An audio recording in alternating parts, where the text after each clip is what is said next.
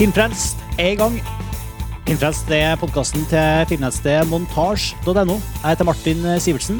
Og eh, panelet i kveld Eirik Smidesang Slåen fra Montasj. Hallo, Eirik. Hallo, hallo. Og Karsten Beinik, også fra eh, Montasj. Hei, hei. Og Erik Fogel fra Tordenfilm. Hei, hei. Vi har sett eh, Quentin Tarantinos nye film 'Inglorious Bastards'. Og vi skal prate litt om Rottenetter-spillet. Og eh, har et intervju både med Paradox og Hyperinteraktiv, som, eh, som også står bak uh, markedsføringa til Rottenetter. Eh, men, men aller først må vi bare innom eh, Avatar. For eh, i siste uka så har både traileren for eh, James Camerons nye film blitt eh, sluppet på nettet, og eh, en del eh, av eh, de ivrigste kinogjengerne i Norge har fått sjansen til å se ja, Jeg vet ikke om det var 17 eller om det var 20 minutter. Eh, 17 minutter, sier du, Erik? 17 minutter, ja. Ble det ikke annonsert med 20 minutter? Jo, men det var 17. Ok. 17 minutter av Avatar ble vist faktisk på, på kinoer i Trondheim, i Bergen og i Oslo. Og i hele verden samtidig. Og i hele verden, selvfølgelig.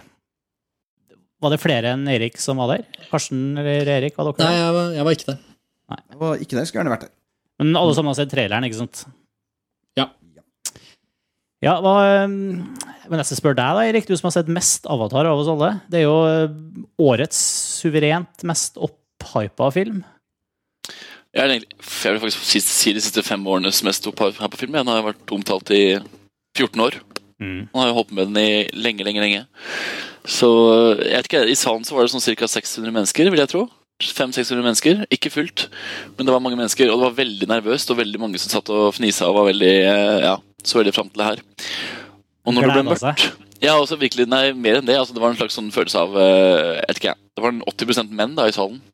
Det er jo ikke rart. Det, det er jo en av vår tids aller største filmskapere. Sånn, altså, han lager de, de store Hollywood-blockbusterne, og i tillegg til at han er anerkjent som, et, som en skikkelig kvalitetsregissør. Liksom. Han har ikke lagd en film på ti år, eh, en spillefilm på kino, i hvert fall siden, eh, siden Titanic. Nei, altså Det er jo en filmskaper som lager de største filmene, selvfølgelig, men som også pusher tekniske grenser da, for hver film. Han gjør alltid noe nytt. Uh, setter ny standard for uh, spesialeffekter og bruk av spesialeffekter. Og med Avatar så skulle han på en måte virkelig revolusjonere filmen, da, har han sagt. Så uh, ja, jeg var veldig nervøs. Uh, når det fada ut, så merka jeg at fra første sekund så var det et eller annet som ikke engasjerte meg med materialet. Altså Det var en sånn følelse av det var, det var så feil, alt sammen. Det, bare, det var veldig kjedelig, og jeg rakk å irritere meg over eh, fraværet av, eh, av eh, wow-faktor som er skrevet montasje, med en gang. Altså det var Jeg syns de her blå hovedpersonene så veldig teite ut, på en måte, for det første. Men så merka jeg også at jeg, jeg falt ikke for universet til Cameron i det hele tatt. Samtidig som jeg ikke så noen ting som jeg følte var nytt. da. Og da satt du med 3D-briller og så det i 3D, ikke sant? Der satt jeg med de Real D-brillene, som er de visstnok beste eh, brillene. ikke sant? Og så satt jeg i Colosseum, som har sånn sølvlerret, som visstnok er den beste måten å se 3D på. Så alt lå, lå på en måte til, til rette for at det skulle være den beste opplevelsen faktisk i verden på akkurat å se de 17 minuttene. Men eh, selv 3D-effekten syns jeg var forstyrrende og ødeleggende. og det, I sum så var jeg faktisk veldig skuffa da jeg gikk ut av kinosalen. Og det var veldig mange etterpå.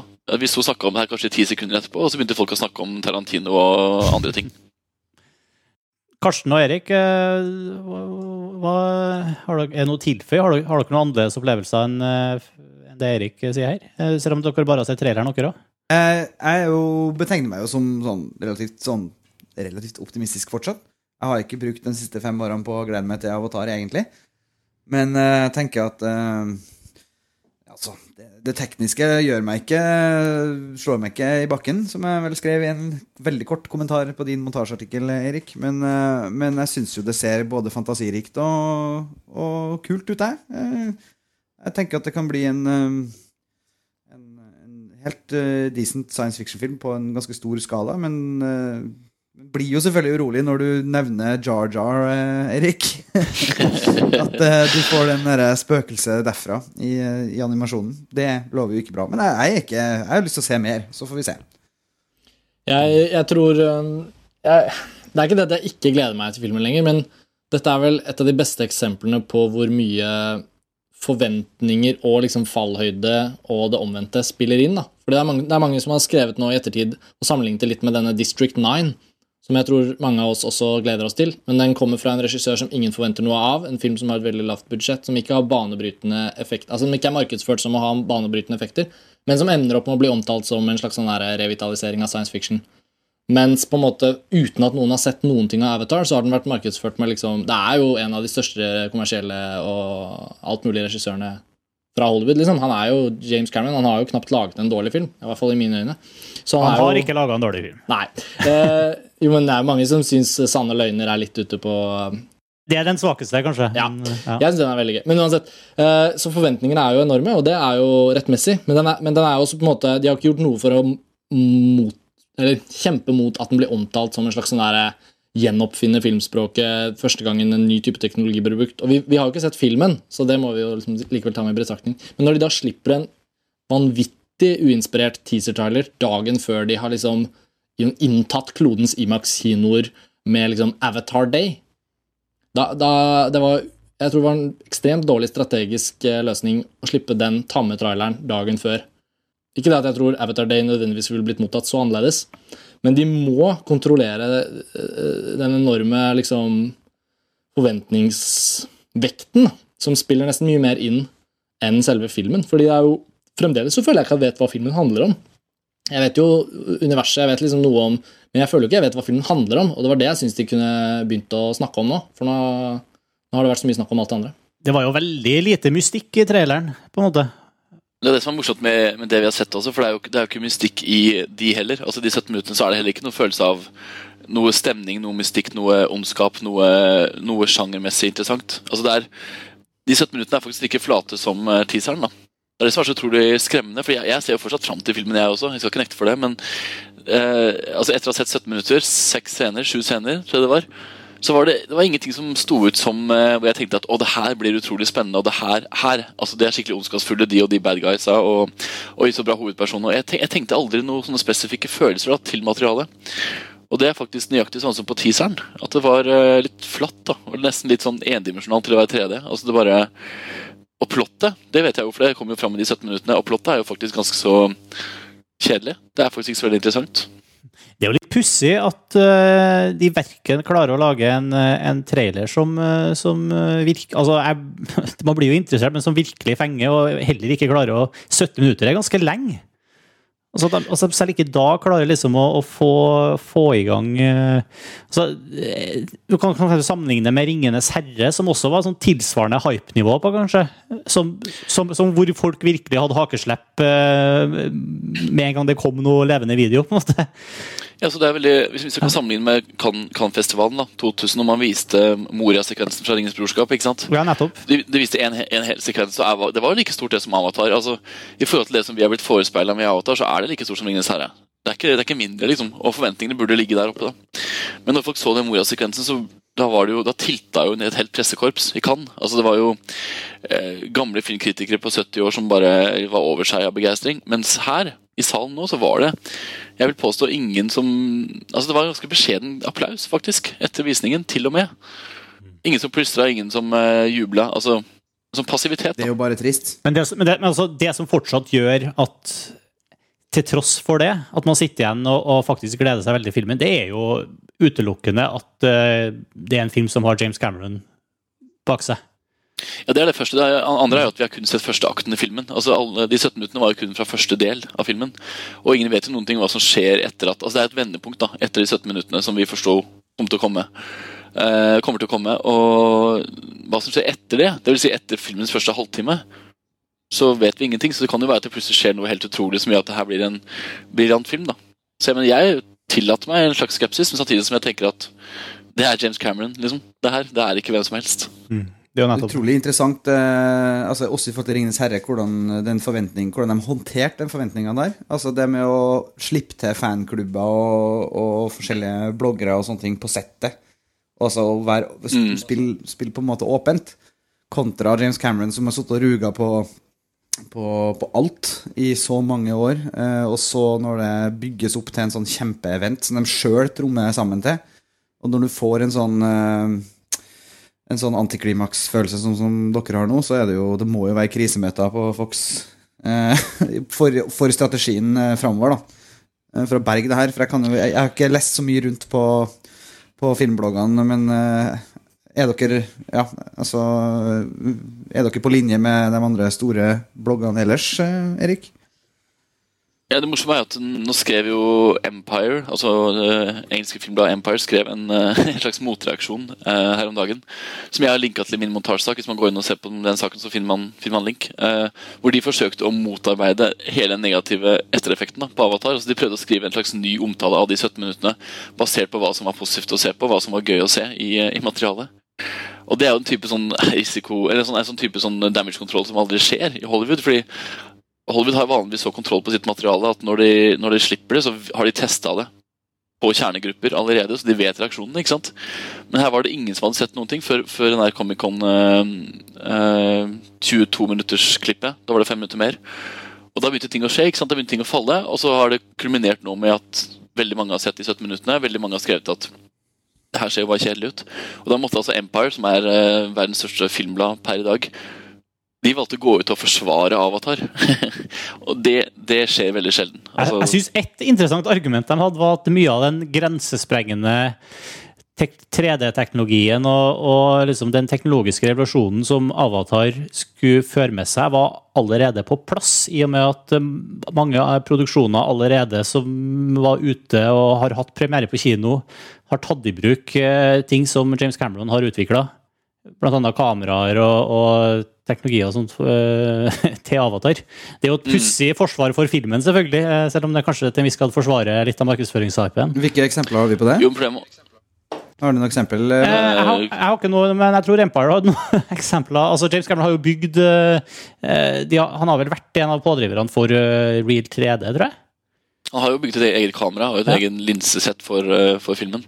Jeg, jeg, tror den der Bloody Valentine-filmen er blant annet skutt på litt samme måte med samme teknisk utstyr. Og Coraline har vel vært gjennom samme prosessen, tror jeg, i etterarbeid. Mm. Men de altså, Coraline brukte sine egne kameraer? Ja, men de hadde en etterarbeidsprosess som jeg tror handla om gjorde det på samme måten som uh, Avatar. Da. Jeg er ikke sikker, men det er, det er sluppet filmer da, som har gjort det samme som Avatar. Men uh, det som er litt farlig, er at han uh, For man ser jo i materialet hva det er han mener er revolusjonerende. Man, altså det er lett å se det, hvordan kameraet beveger seg i actionscener, hvordan karakterene er animert, men samtidig, det er, det er ikke interessant, da. Men, altså men, det som er revolusjonært, er ikke interessant. Men, og de her scenene fra, som, jeg, som du ser i traileren, fra liksom Marine Corps-romskipet og og det her, eh, de her eh, soldatscenene og sånn, det er ikke fotorealistisk. Nei, altså det er kanskje litt, litt av problemet. da, fordi Folk, folk har snakka om en sånn dataspillestetikk. Og, det, og det er jo nettopp det. Det er akkurat det det er. Og dessverre så er det sånn at i de store, vi så jo to store actionscener og én spesielt ganske stor, så, så, er det faktisk altså Jeg har faktisk aldri sagt at ting ser ut som dataspill. Jeg syns ikke Ringenes herre ser ut som dataspill. Jeg syns ikke Matrix er et dataspill. Jeg synes Det er en utrolig banal kommentar å komme med. Men her så ser det faktisk ut som et dataspill. Hvis man ser på traileren til dataspillet Avatar, så får man følelsen av at det, egentlig at det er det samme. da. Bortsett at det er mye, mye, mer, mye mindre realistisk selvfølgelig i dataspillet, men det er samme estetikken. da. Og det fungerer ikke. Det jeg, jeg, jeg sitter som jeg føler at vi kommer til å få en litt bedre variant av det vi har sett i, i Final Fantasy-filmen og Beowulf.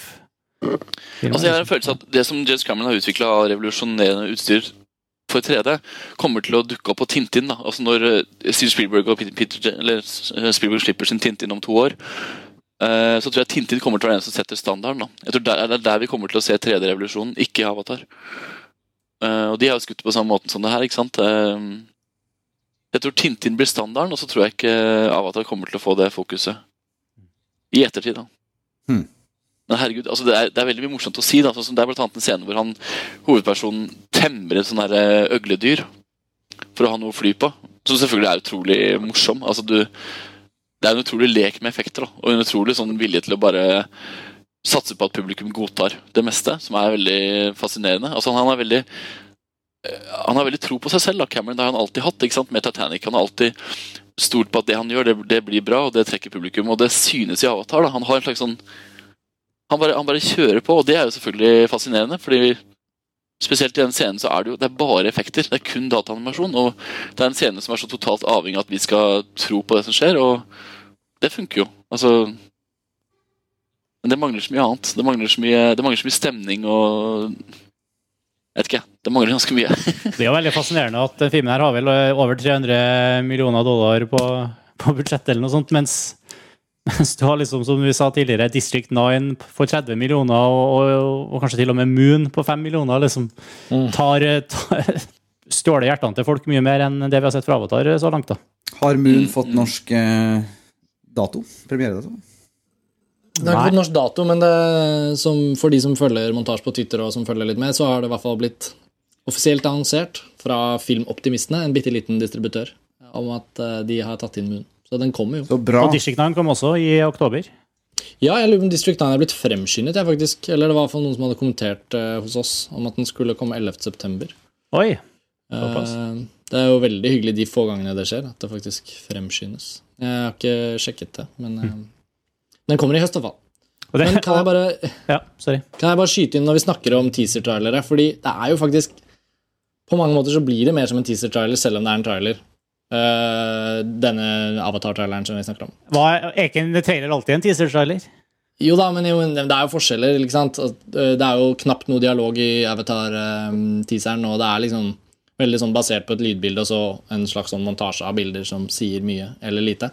Men veldig mange vellykkede teasere da, setter en tone og set, stiller opp noen spørsmål som gjør, gjør oss veldig interessert i hva filmen vil handle om. Og i dag, jeg vet ikke hvor mange av dere som har rukket å se den, så ble det sluppet en teaser til Christopher Nolans nye film, Inception. Mm. Og den lille teaseren der, som er liksom ett minutt lang Og det er også en film hvor de har nektet å si noe om handlingen. Man vet nesten ingenting om den. Man vet at Leonardo DiCaprio spiller i den, og det er, det er et høyt budsjett på den, og sånn, men man vet jo ingenting. Det er et originalmanus, ikke basert på noen ting som noen kjenner noe til. Og så kommer den teaseren, og så sier den jo nesten ikke noe mer om filmen, men man blir likevel helt sånn Å, herregud. Og så ja, ja, ja, jeg, jeg, ble, ja, ja, jeg ble helt satt ut av den. Så jeg tenkte bare shit, jeg vil se mer nå. Ja, altså, jeg ble virkelig åh, ja, det, er, men det er et godt eksempel på det, Karsten. Fordi det er jo også en teaser altså, som bare åh, jeg, ble, jeg, ble så, jeg ble så hekta. Altså, den klatra på min topp tre-liste av forventningsfilmer neste, neste år. da Med en gang, liksom. Da har den teaseren gjort jobben sin, i hvert fall. Den, den, den klassiske science fiction teaser-traileren uten dialog er jo Alien. Ja, ja, ja. Definitivt. Skoledammene, altså. Men da er det jo veldig rart at sånn som i Avatar da, at de har faktisk valgt å lage bare en montasje av, eh, av masse bilder. Fordi men Det er jo utrolig kjedelig. De kunne holdt seg til én scene. Altså, det, det finnes noen enkeltøyeblikk da, i de 17 minuttene vi så som alene kunne vært en teaser. De kunne tatt ut 20 sekunder, liksom, sånn som det ene shotet når han går rundt Eller når kameraet går rundt han som sitter og ser inn Eller han hovedpersonen som ser inn i det der svømmebassengtanken svømmebasseng, bassengtanken med det der rom, romvesenet. Hvis du husker det shotet. Ja, det, ja, jeg husker veldig godt. Han virker veldig svær, han romvesenet. Ja, han er kjempestor, tre meter stor. Men altså, det syns jeg er en, en teaser, liksom. Det ene bildet der syns jeg kanskje hadde vært nok, da, i en riktig klippa sammenheng. Så hadde det ene bildet virkelig satt følelsen at oi, det her blir noe helt nytt, liksom. Det her blir noe stort. Så tar han på en måte livet av de forventningene ved å bare kjøre på med masse, masse, masse, masse, masse bilder. Og så har du de her eh, scenene med sånne mm, dinosauraktige romvesener i sånne jaktsekvenser i jungelen som gir oss sånn, litt sånn halvdårlige assosiasjoner til King Kong. Det er de som er så fæle i 3D, de sekvensene der. Fordi de, eh, det går ikke an å se på de. For det er for altså, mye, for mye ikke med- bevegelse. Nei, altså, altså Av hakkingen da, i, eh, i arbeidet, og at det er, altså, det er som bare Kameraet beveger seg fram og tilbake, tilbake eh, med en slags en blanding av sånn håndholdt foto og en slags sånn jeg vet ikke, jeg, tracking shot-funksjon som ikke helt skjønner hvordan jeg har fått til. Men du får ikke med deg handlingen. da Du ser ikke engang de der eh, vesenene som de driver og slåss med. Du, du ser det slett ikke, du ser bare en bløl. Og den bløren er der i fire minutter, og da har du fått vondt i hodet for lengst når det er ferdig. på en måte Det var jo litt den effekten jeg satt igjen med i de mest uh, største sånn uh, intense scenene i Coraline også. mm. Med den her edderkoppen og de scenene hvor det var mye bevegelse med, med, med store beist, for å si det sånn. Ja, men forskjellen er at den, nå er det jo forskjellige versjoner av 3D, altså forskjellige systemer. ikke sant? Men det var det samme systemet, samme teknologien. Ja, og, og enkelte av de er jo bedre enn andre, og det på Colosseum fikk jeg vite i forkant at det skulle være det beste, for å unngå nettopp den følelsen av uh, forstyrrelse. ikke sant?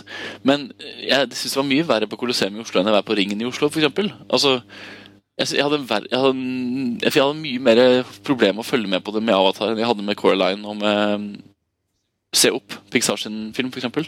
Jeg, jeg fikk ikke med meg noen ting her på Avatar når det skjedde. Og jeg forsøkte, for jeg ville gjerne se hvordan ting så ut og se på animasjon. og sånne ting, Men jeg, jeg måtte nesten gi opp og bare legge meg tilbake og tenke passivt at ok, den scenen er snart ferdig, så da kommer det kanskje noe som jeg kan få meg etterpå. Og det er jo ikke heldig. Men det er uansett veldig interessant uh, fra et sånt uh, filmmarkedsføringsperspektiv hvordan uh, virker som Avatar litt, på en måte har tråkka litt i salaten her. da. Rett og slett. Absolutt. Jeg tror de må gå inn og revitalisere hele kampanjen sin. faktisk. De må, de må gjøre noe helt nytt. Jeg håper de bytter font, jeg. Enig, Karsten. Enig. Men, eh, men det, det bringer vi jo også elegant over til, til neste tema her. Eh, En film som har vært veldig vellykka i markedsføringa si. Eh, Norske rottenetter, som har premiere om ja, hva er det, 4. september eller noe sånt. Det er jo film fra Paradox, produsert av Finn Gjerdrum og Stein Kvae. Regi Arild Østin Omundsen, som vi husker fra ja, debutfilmen av Mongoland.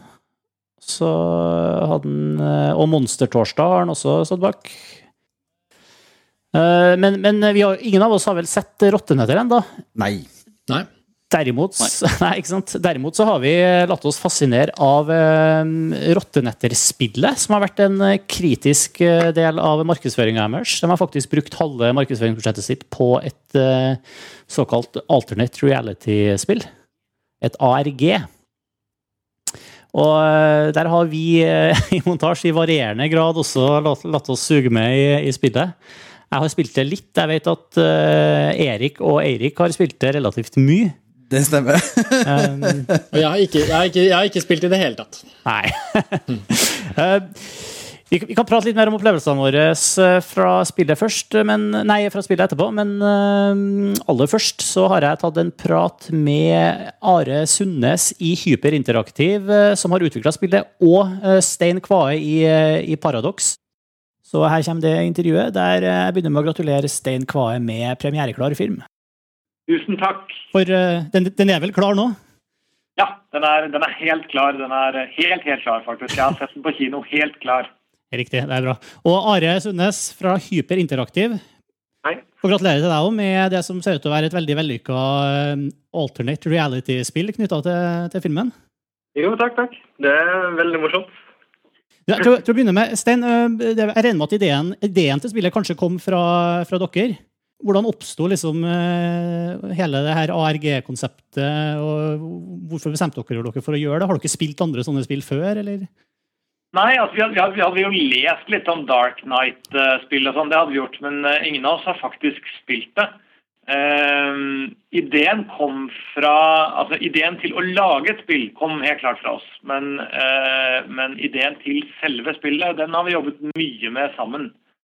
Så, så, eh, så vi visste ikke helt hva vi var ute etter når vi, når vi gikk til Hyperinteraktiv og sa at vi hadde lyst på et spill. Eh, Det var ganske diffuse størrelser. Og Grunnen til at vi ville lage det, det var vel egentlig at vi, at vi så for oss at det universet som er i rottenetter med, med finans og grådighet og, og konspirasjoner og, og folk som eh, prøver å ta rotta på de grådige og sånn, det passet utrolig godt til et spill. Eh, Men det tok allikevel veldig lang tid før vi kom frem til ideen om å, å ha en grådig side og en, en, eh, en god side. Det, det brukte vi lang tid på allikevel å komme frem til den konklusjonen, selv om det lå i kortene. Og det har vært en veldig pussig sånn hook inn til spillet. Jeg har lest i avisa at eh, 90% velger den grådige sida. Er det fortsatt sånn? Ja, det er det er ikke 91 har jeg sett stort Ja, 91 er det nå. Men, eh, men da får jeg nesten spørre deg, Are, hva slags eh, liksom, research har dere gjort her? Hva hva har liksom vært de store inspirasjonskildene? Eh, Stein nevnte jo Dark Knight-spillet. Har det vært andre spill dere har sett på? Ja, det har jo Det finnes jo mange sånne i mindre skala, og du har jo Lost har laga tilsvarende. Du har gamle Nokia Games. Eh, og du har uh, noe som heter Macheist, som er også tilsvarende. Men alle de er veldig sånn eh, store, store lanseringer av ting i internasjonal skala. Så det er veldig interessant å lage noe for et, et norsk publikum som jeg ikke har sett lignende. Når, når, liksom begynte, når begynte dere å utvikle det her, og, og hvor, lang, hvor mye utvikling har det vært? Liksom, hva, hvor lang tid tok det å, å sette sammen? Meste utviklinga har helt klart vært eh, idéutvikling. Eh, Vi har eh, Den selve tekniske utviklinga har skjedd på de siste halvannen måned omtrent. Eh, Men konseptet og ideen har vi jobba med veldig lenge. Siden Husker du, Stein? Ja, jeg spurte, jeg spurte Rolf om dette tidlig Da var det på vårparten, i mai omtrent. Da begynte vi liksom å jobbe mye med, med ideer. Uh, vi trodde vi hadde en helt klar idé, og så forandret vi på det, og forandret på det igjen, og forandret på det igjen. Det har vært en ganske sånn komplisert prosess å finne ut av eh, hva, hva koster det å lage et sånt spill. og vi har sendt bananer frem og tilbake til hverandre i kofferter, faktisk, for å gjøre forhandlingene. Én? Banan er en million vet du, på, på finans, uh, gammeldags finansspråk. Ja, Da må jeg bare spørre hvor mange bananer koster spillet her? Det ble under en banan, heldigvis. Ok. Men, eh, men vi har nok fått, da har vi nok fått eh, spill for eh, mer enn en banan. Men, men likevel så, så har dere bare altså jobba med det et uh, halvårs tid, det høres ut som. Uh, når, du ser på Dark Knight, og sånn, så gikk jo det, uh, som er en sånn milepæl innen filmrelatert ARG, da, det gikk, det gikk vel over et, det var vel ett og et halvt år eller noe sånt før premieren? At det Altså, det er veldig vanskelig å eh, sammenligne, selv om vi, det, vi kaller det et ARG-spill, og det er jo et ARG-spill, men sammenlignet med f.eks. Dark Knight, så er det uh, mye mer pedagogisk, kan du si. Det er laga for å nå en større målgruppe. Dark Knight uh, har en så stor uh, altså Batman og så mange som venta på den filmen at det var lett å skaffe mange engasjerte folk som, som kjørte på. Men vi skal nå mange flere i en mindre masse. Eh, Så vi har laga et spill som som er mer intenst, og man kan få oppnå mer på uh, kortere tid da, enn vi har gjort i Dark Knight. Men uh, hvorfor, uh, hvorfor Facebook? Det, man krever jo at uh, man skal være på Facebook her. Hva- Hvilke tanker ligger bak den avgjørelsen? Grunnen til det var at vi, vi tenkte på eh, terskelen for å hoppe inn i et spill, eh, og hva som motiverer folk til å begynne å spille. Og vi mener jo at en av de store motivasjonene er at vennene dine spiller. Eh, Og med Facebook og Facebook Connect som vi bruker her, så kan du bare logge inn i spillet direkte med Facebook.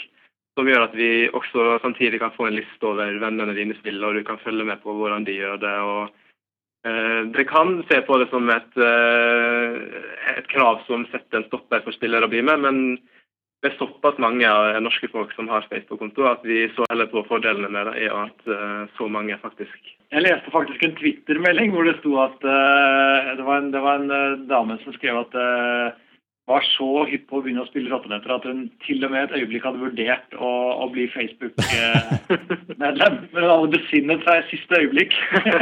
Ja, ja. Så da, da fikk dere ikke hun på, på kroken? Nei, vi mistet, vi mistet henne.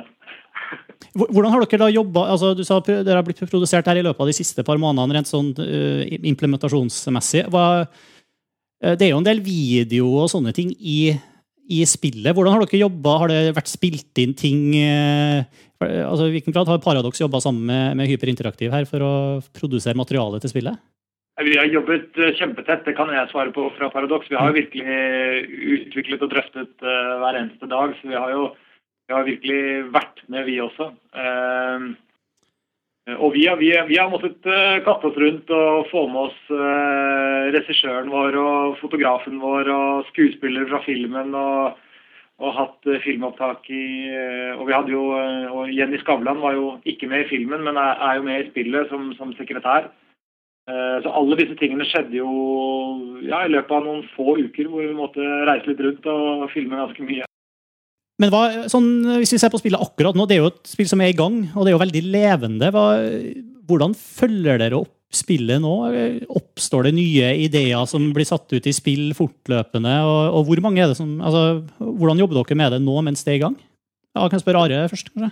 Ja, det er helt klart en, en prosess. Vi vet, jo, vi vet jo hva som skjer, og hva som har skjedd, og hva som eh, skal skje. Eh, Men mange ting oppstår underveis, og vi oppdager jo ofte spillere tar enkelte ting raskere enn vi hadde trodd, og eh, noen ting tar ikke i det hele tatt. Så det, det er en veldig interessant prosess å se hvordan det går. Og det er jo lett å følge med på målgruppa. Det har jo blitt oppretta masse uh, grupper på Facebook, og folk sitter og blogger. Så det er ikke vanskelig å følge med på hva folk syns og hva som skjer. Mm, vet du hvor mange som spiller, eller? Uh, det er over 10 000 nå. Og du sier at du har god oversikt på hvilke målgrupper dere traff. Hvilke målgrupper hadde dere da dere satt ut av eh, med å lage ideen om å lage spillet, og hvordan har det sammenligna seg med den målgruppa dere faktisk har truffet? Uh, utgangspunktet var målgruppa å treffe menn mellom uh, 25 til 40. Det var det som var brifen fra starten, og det, grunnen til det er vel at det er stort sett flere kvinner på kino enn menn. Så vi vil jo treffe både kvinner og menn, men med hovedfokus på menn her. da. Uh, og det er ganske god spredning av uh, både alder og kjønn. og Jeg har ikke de tallene foran meg nå, men det er interessant å se hvor spredt det når. Vi driver egentlig akkurat nå og, prøver, og, finner ut av det. Mm. Ja, vi vet. Men, men jeg synes også det, når vi, når vi ser på, på, på, bloggere og på Twitter og sånn, så ser vi at det er ganske det er stor spredning. Og det er, det er, og det er flere kvinner enn vi kanskje trodde, egentlig. Ja, men jeg, jeg, har jo ikke sett filmen, jeg har sett traileren. Er det en guttefilm? Det kan se litt sånn ut? Ja, altså, Som Are sa, så er det jo kvinner som går på, på kino. Så, så, en guttefilm den har, den har jo som regel omtrent lik kjønnsfordeling. Mens, mens en, en ikke-guttefilm den har jo 70% kvinner og 30% menn. Ja, så, så altså, det, er, det, er, veldig sjelden altså, Det skal være ganske voldelig og ganske out there for å, for å liksom trekke langt flere menn enn kvinner på kino, faktisk. Så, men, men foretrekker hjemmekino? Er det sånn? det, må, det må være noe sånt. Så, men det, det, betyr jo at ja, det er jo, det er jo, en, det er jo en, en, en, film som er Den er en maskulin film, det er det jo absolutt. Men, øh, men, men vi tror allikevel at det kommer til å resultere i at det kommer omtrent like mange kvinner og menn og ser den. da. Hva er suksesskriteriene deres? For å si det, Er det billettsalg? Det er utrolig vanskelig å omsette det vi gjør nå i billettsalg. Så på en måte så har de jo to, det har to har, Filmen har jo selvfølgelig et suksesskriterium som heter å, å, å, bli godt likt og å selge mye billetter. Det er jo klart at vi trenger det, og vi ønsker det. At det blir populært. Men, men, men sånn er det vel egentlig også med spillet. For oss er det innmari viktig at spillet alene eh, blir vellykket. Eh, og det er jo det vi egentlig jobber mest med nå i avslutningsfasen, det er å se på hvordan kan vi, hvordan kan vi sørge for at uh, vi følger dette helt i mål på en måte som gjør at folk syns det er kjempespennende. Uh, og så håper vi jo at det er det som gjør at, uh, at spillerne har lyst til å se filmen også. At de opplever at det vi gjør, er det kvalitet på. Altså, jeg har jo spilt det også så vidt. mange av mine medfilmfrelste her på, på montasje har jo spilt det kjempemye. Men, men eh, noe av det første man får beskjed om eh, når man registrerer seg sånn og, og, og blir med, at man skal lete etter koder overalt. Altså på nettet og i aviser og alle medier og sånt. Men det første jeg selvfølgelig gjorde, var å google etter koder. Jeg skrev inn kode rottenetter på Google og fikk 10-20 koder som jeg bare kunne skrive inn i programmet mitt. og Superkjapt og enkelt. Eh, jeg følte jo på en måte at jeg fulgte oppfordringa dere hadde lagt ut da, om, å, om å søke etter koder. Er det her en planlagt mekanisme for dere? Altså, hvor mye altså Det har jo dukket opp masse forum og sånne ting. Eh, og En del av dem er lukka til og med. Ja, liksom, hvor mye av det her har dere styrt, og hvor mye har planlagt, og i hvilken grad lever spillet på egen hånd her? Vi har ikke planlagt eh, noe av det der, eh, men vi har jo, vi har jo forutsett at det kommer til å skje. At folk engasjerer seg i spillet, er jo bare kjempefint. Så vi har ingen planer om å nekte folk å engasjere seg. Men vi vil jo oppfordre folk til å spille spillet med å finne kodene på egen hånd, som vil gi en mye bedre opplevelse av spillet. selvfølgelig. Og, jeg vil jo si Det er derfor vi også jobber med spillet kontinuerlig nå mens det spilles. Det er jo fordi vi, når vi startet opp, så sa vi jo at vi vet jo faktisk ikke hva folk kommer til å gjøre. Vi hadde jo, vi hadde jo en formening om at flere ville spille på, på, på den siden som ikke er Sagen Finans. Mm. Uh, og vi hadde jo vi hadde ingen idé om hvordan dette kom til å bli organisert og sånne ting. Er det litt sånn skuffa over at det er veldig mange, dere har liksom lagt masse mye arbeid i den delen som veldig få får se? Den, den halvparten av spillet som, som, du ikke får vist fram? Ja, på den andre siden fortjener, De fortjener i hvert fall det, for de får jo ikke noe penger. Så de, de fortjener i hvert fall å få se noe som de har lagt masse krefter i. Så det, det overlever vi. Men, eh, og jeg kan love at det kommer, det kommer, en del koder fremover nå som det blir vanskeligere å, å, å google. Har dere, eh, dere har sikkert tenkt på det her i, i planleggingen. Altså, hva er kriteriene for at sånt spill skal funke? Hva, hvilke elementer, sånn spillteknisk, Altså det viktigste kriteriet at folk skal engasjere seg, er jo innholdet i spillet, og at man får en følelse av å oppdage ting og utforske altså Pushe grensene sine litt forhold til hva man har lyst til å gjøre. eh, når man er på nett. man har jo laget en del regler for hva man liker å gjøre på nett ikke. og Her må du ta kontakt med fremmede. og så er Det mye, mye innhold i spillet som er kriteriet. Sånn teknisk så er jo spillet egentlig ganske enkelt. Det er- består jo av, eh, av koder. Man har alt løst inn av koder. Jeg har, jeg lyst til å legge til der, eh, fordi som, som avsender av filmen, så har jeg vært veldig opptatt av at det skulle være mulig å spille spillet på to måter. At du enten kunne spille spillet for å vinne, men at det også skulle være mulig å spille spillet uten egentlig ambisjon om å vinne, men mer for opplevelsens skyld. Det tenker jeg, det har vært veldig viktig for meg i designet av spillet. At du, at du får liksom, små premier i, i, i form av at du får se morsomme filmklipp eller, eller får informasjon eller eller opplevelser som, som, som er morsomme i seg selv. Da. Kan du si litt om det her utnytte vennene sine-aspektet ved spillet? Hvordan, både, jeg har ikke spilt lenge nok til å se det helt i full blomst, hvordan det egentlig funker i praksis. Så kan du si litt om nøyaktig hvordan det, det er satt sammen, og hvordan det funker, og hvilke tanker som lå bak det? Det, det kommer mer om det nå ganske snart. Men uh, jeg, Arild, har du lyst til å si noe om det? Sånn, eh, hvordan det med vennene fungerer i dag, er jo at du, du kan invitere venner til å spille på ditt, ditt lag. Og så men, altså, kan de tjene poeng for deg på en eller annen måte? Er det Ja. ikke sånn? Ja. Ja. Hvis du inviterer en venn som kommer da under deg i, i hierarkiet da, hos ditt lag, så får du 10% av alle poeng til den personen. Med mindre den personen klarer å opparbeide seg mer poeng enn deg, og da havner du under han istedenfor. Så det er et slags pyramidespill, Dette er Herbalife på nett. Ikke sant? ikke sant? Nettopp. Og det, Så det er jo helt tydelig eh, viktig for å opparbeide mye poeng at man eh, prøver å få inn en del folk. Det har vel en viss eh, direkte ta-inn til, til filmen, regner jeg med. Helt klart. Um, kan, eh, Stein, øh, hvordan, fungerer, altså, hvordan foregår markedsføringa for filmen eh, ellers? Altså, I hvilken grad har det her spillet påvirka måten eh, Det er jo ikke første film du er med å lansere der, langt på nær. og Hvordan har liksom rottenetter.no-spillet påvirka måten du ser på markedsføringa av filmen eh, generelt? Hvor stor del av kaka utgjør spillet? på en måte?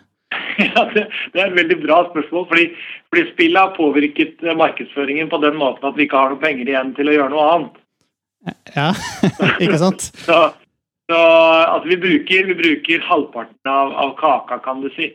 Og, og den andre halvparten av kaka, der, eh, der er det noen sånne typiske ting man alltid gjør. Så det er jo egentlig vårt hovedprosjekt i å fortelle om at eh, filmen finnes, tvilsomt. Så vi, vi, vi blir langt mindre synlige enn mange andre filmer eh, denne høsten, tror jeg, eh, andre steder. Så vi har satsa mye på å få vist oss frem gjennom dette. Bare én banan tilgjengelig til andre ting? Det er rett og slett bare én banan igjen.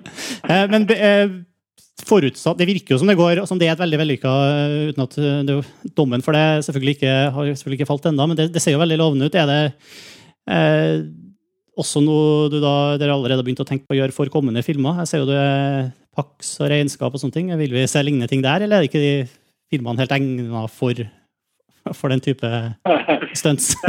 Jeg gleder meg til å, å brife Hiter Interaktiv på, på spillet Regnskap. Det store Excel-ARG-eventyret. ja, det blir mye sånn momsterminer og masse sånn uh, sinte brev fra revisor og sånn. Nei, foreløpig ikke. Det er, eh, det er, det er foreløpig en ting som vi syns passet utrolig godt på denne filmen, og ikke noe som vi nødvendigvis tenker funker alltid. Mm. Ja, ja, nei, men det er super Jeg får bare, jeg bare skal ønske lykke til med, med spillet videre framover, og ikke minst lykke til med premiere. Tusen takk. Bra. Takk for praten. Bare hyggelig. Hei. Hei så lenge. Og det var da Are Sundnes fra Hyperinteraktiv og Stein Kvae i, i Paradox. Um, Veldig ja, interessant. hvordan går det med dere? Eh, Erik og Erik, hvem har mest poeng? Jeg, jeg har stoppa spillet, jeg. Har slutta? I protest? Ja. I protest mot Erik. Fordi jeg hadde, liksom, jeg hadde litt sånn ambisjoner om at eh, jeg skulle slå Erik før jeg ga meg. på en måte. Men så greide jeg aldri å slå Erik, så tenkte jeg at nå, nå gir jeg meg. For nå ble det litt mye sånne sene nattetimer. Og, ja. Så jeg stoppa offisielt for et par dager siden, og siden det så har Erik bare rast fra meg. Så nå Nesten dobbelt så mye som det nå. Nesten dobbelt så mye. så nå Ja. Ja, Ligger du an til å bli 250 000-kronersvinneren, Erik? Ikke i det hele tatt. For det har jeg skjønt. At eh, på det, Hvis du skal vinne de 250 000 kronene her, så må du bare Du må rekruttere alle vennene dine. Og det er jo sånn som det ble sagt i intervjuet også, det er jo et system hvor du, du snylter på dine venner på en måte for å få poeng sjøl.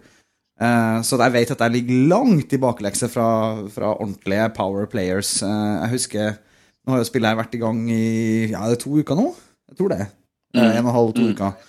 Ja, forresten to uker i morgen i forhold til når vi spiller inn her. Og da husker jeg for, allerede for en uke siden så var det folk jeg hørte om og leste om på nettet som hadde liksom godt over 700 000 poeng. Og nå er jeg her to uker etterpå og har litt over 400 000.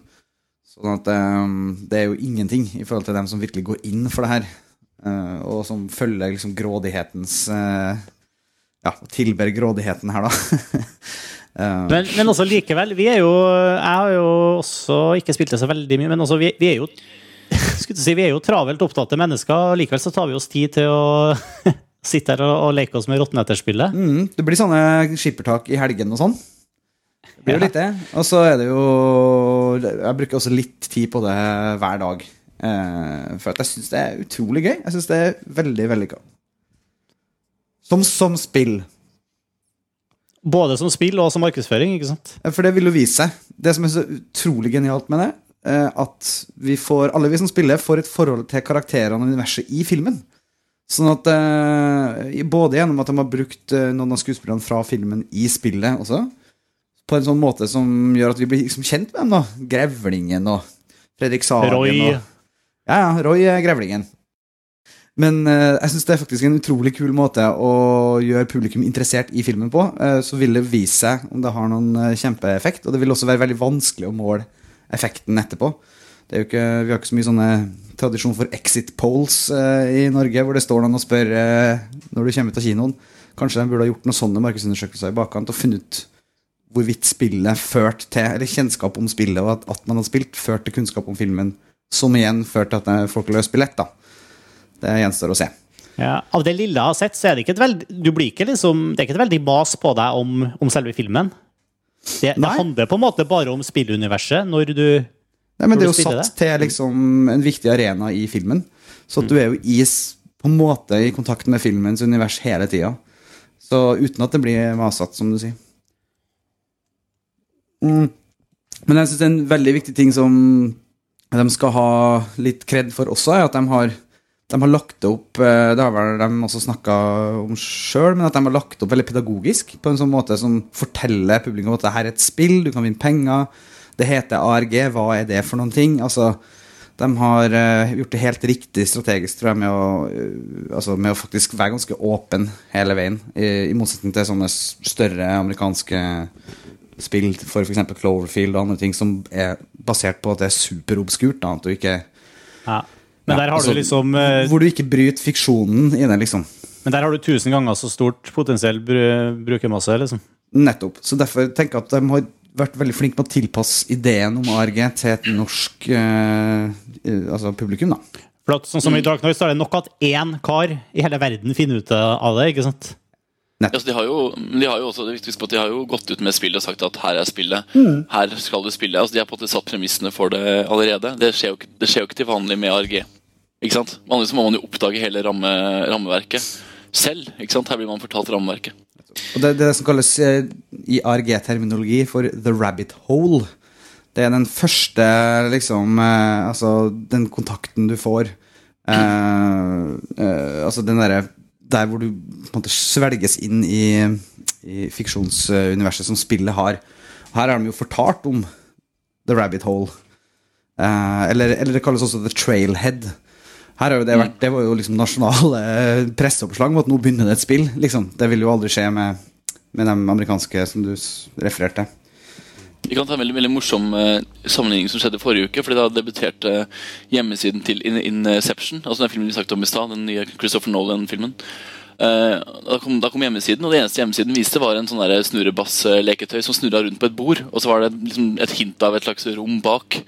Og da var det veldig mange som begynte å tro at å, det her er kanskje det første clouet til et sånn ARG. ikke sant?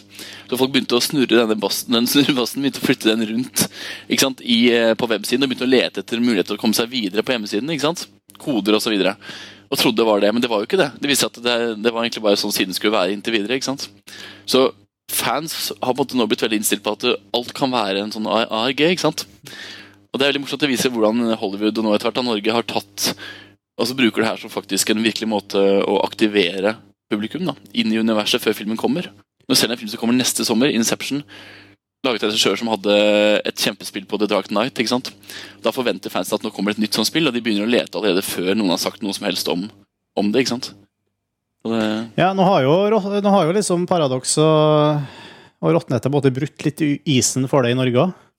Det tror jeg man definitivt kommer til å se, en, om ikke vellykkede resultater. Så synes jeg Det var kanskje det morsomste jeg syns, bare for å ha sagt, da det ble uh, annonsert at det skulle gjennomføres et sånt spill, så følte jeg liksom at nå modnet hele liksom, markedsførings, filmmarkedsføringsbransjen i Norge litt. Altså Det er veldig gøy at det blir gjennomført en sånn ting også her, sånn at vi vil se eventuelt mer oppfinnsomme effekter eller eh, dårligere. Og så det at det er så integrert med handlingen i filmen, gjør det også til at det allerede føles nå veldig vellykket. Og det er fra utsiden, for jeg har ikke spilt engang. Ja, for, nå- for nå regner jeg med at det her vil være en del av det man i hvert fall har i bakhuet å vurdere som liksom mulig markedsføring for filmen sin. eh. nå, Nettopp. nå, ja. Det kan vi du spørre Erik om. Ja, jeg Når ikke si kommer noe. Jeg- Ninjatroppen-spillet? Jeg skal holde kjeft.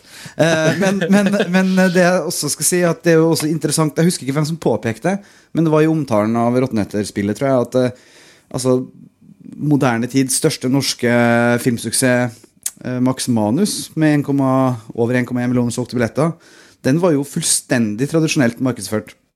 Eh, altså, det var en riktig god, solid, tradisjonell markedsføring. Det er ikke sånn at alle sammen skal bli crazy her og, og, og liksom hoppe på nettet og gjøre alt mulig sånne ting, eh, fordi at det skal man gjøre i dag. Jeg tenker at det er veldig sånn ut ifra hva slags prosjekt du har. Og her syns jeg det passer veldig godt med det her typen tiltak, da. Men det er helt rett. Kanskje det inspirerer til å tenke nytt nytt for andre også. Det var jeg, jeg som kommenterte det i montasjesakten min med Max Manus. Det var det At den, at den var så veldig tradisjonell. Men jeg synes det som er så utrolig viktig med alt det som skjer nå, da, med sosiale medier eh, og, og ARG i norsk eh, markedsføring, er at man må ikke miste troen på det selv om Råtneter ikke gjør det så bra på kino. fordi jeg føler at Vi må, altså vi har jo lenge trengt en mer, mer eh, ja, original måte å markedsføre norsk film på. Ikke bare for å få suksess, men også for å vekke oppmerksomheten rundt norsk film. altså jeg synes I en statlig finansiert filmbransje så er det også viktig at norsk film skal bli interessant utover det å være en kinofilm. Altså Man skal interessere seg for norsk film generelt.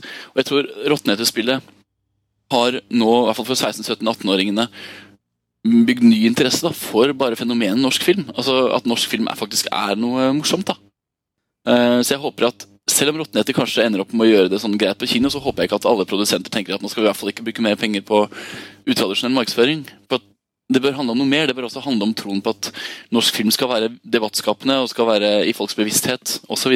Vi skal jo heller ikke glemme at det trengs nytenkning også fordi det er konkurranse mellom norske filmer. Altså Det er jo et uh, altså Apropos et rotterace uh, uten like det òg. For det lages så fryktelig mye norske titler nå, og man må tenke nytt for å skille seg ut og for å bli huska og for å bryte gjennom støyen. Eh, Sånn at det er ikke bare en slags modernisering generelt. Jeg tenker også Det handler om en tilspissa konkurranse på det norske markedet sett isolert. da Eh, Som kanskje tvinger folk til å tenke litt mer uh, spissa og utradisjonelt for å fremheve sin film, så at den kan skille seg fra andre. Der syns jeg Råtnete-spillet er en veldig, veldig bra tiltak. Så vi får håpe at, at ikke det at de har brukt såpass mye av ressursene sine på det, er noe de taper på, for det har de virkelig ikke fortjent. En annen måte å skille seg, på, å skille seg ut på er å ikke ha ettordstittel. Ja, ja, selvfølgelig. Bare Vi flesker jo til med tre pluss et og, så vi har i hvert fall gjort vår del. Ja, ikke sant. Men jeg synes at hvis man ser på Max Manus, da, som vært så tradisjonelt markedsført, så er jo, det har jo fungert og, og så videre, men, men da ble det bare filmen. Altså Max Manus ble på en måte bare filmen. Jeg synes Det har vært, en veldig stor mangel på debatt om det Max Manus handler om i ettertid, for Altså, jeg har sett veldig få forum hvor man har diskutert Altså hvor unge mennesker da har snakka om eh, f.eks. verdenskrig. ikke sant? Så jeg vil påstå at Max Manus ok, vellykka som filmlansering, men hvis Max Manus hadde en intensjon utover det å være film, altså på det å belyse en historie i norsk film, så har den mislykka. Fordi han har ikke, han har ikke hatt en eneste etterdønning i det hele tatt. Altså det, det bare ble filmen som ble sett av veldig mange mennesker, tjente masse penger. Men ingen snakker noe om tematikken i Max Manus i et, etterpå. Altså Jeg tror ikke hun har lært ungdommen noe særlig nytt om uh, annen verdenskrig. Og jeg synes norsk film skal ha, ha som, jeg sa i sted, skal ha en appell som skal gå utover det å gå på kino. Altså Visse norske filmer skal også mane til debatt og folkeopplysning og gjøre at film får en større funksjon. da enn å bare være, bare være film. Da blir jo mitt åpenbare neste spørsmål Eh, Klarer Quentin Tarantino å fortelle oss noe om andre verdenskrig? Eller vil han i hele tatt fortelle oss noe om det? Skal vi høre på traileren? Det er en myk- overgang til, til vår uh, Inglorious Bastards-samtale. Vi begynner med traileren. Her er den. and hot. I'm putting together a special team. We're gonna be doing one thing and one thing only killing Nazis. Sound good? Yes, sir!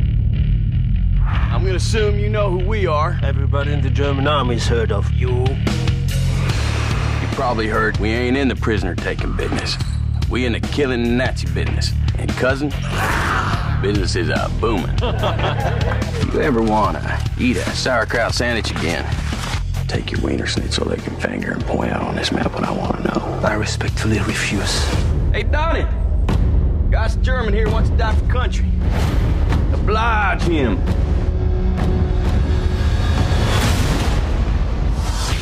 An American Secret Service outfit lives deep behind enemy lines. The Germans call them the bastards. These Yanks have been them the devil. Well, we're all tickled to hear you say that. The Germans are throwing a gala premiere. In attendance will be most of the German High Command. You'll rendezvous with our double agent. She'll take it from there.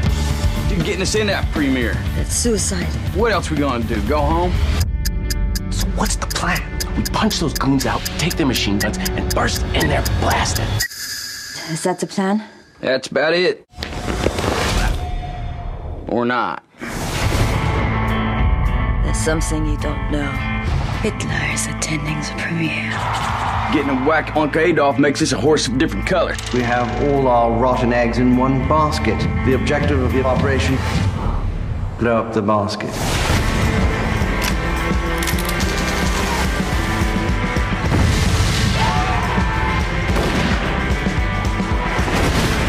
I'm gonna give you a little something you can't take off. You're getting pretty good at that. You're now in the hands of the SS. My hands, to be exact.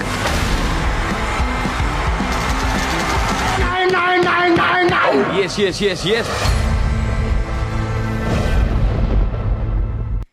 Ja, da har vi alle sammen sett uh, Inglorious Bastards. Minus meg. Minus deg, Erik. Da, da begynner vi som vanlig med deg. Ja. Eh, det en, eh, har du tenkt å se den i hele tatt? Ja, det har jeg. Han har faktisk eh, klart å overbevise meg med, med både trailer og øvrig omtale at det her det har jeg faktisk lyst til å gå og se. Jeg har vært en, eh, en sånn litt sånn snurt Tarantino-tilhenger på de siste tre-fire filmene, egentlig. Uh, men her syns jeg faktisk det kan være verdt å se igjen. Jeg synes han har vært, Særlig Kill Bill synes jeg var en sånn avsporing for han, rett og slett. Eh, men, men det er nå så.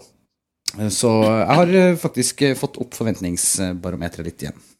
Så da vil jeg gjerne høre hvordan det var. Ja. Um, kan vi egentlig bare ta runden først, for å høre hva vi Altså, det her er altså Bare for, bare for å si det, i tilfelle noen ikke har fått med seg det, så altså Inglorious Bastards er Quentin Tarantinos eh, siste film. Det er Han har i hvert fall rappa tittelen fra en eh, film fra 70-tallet.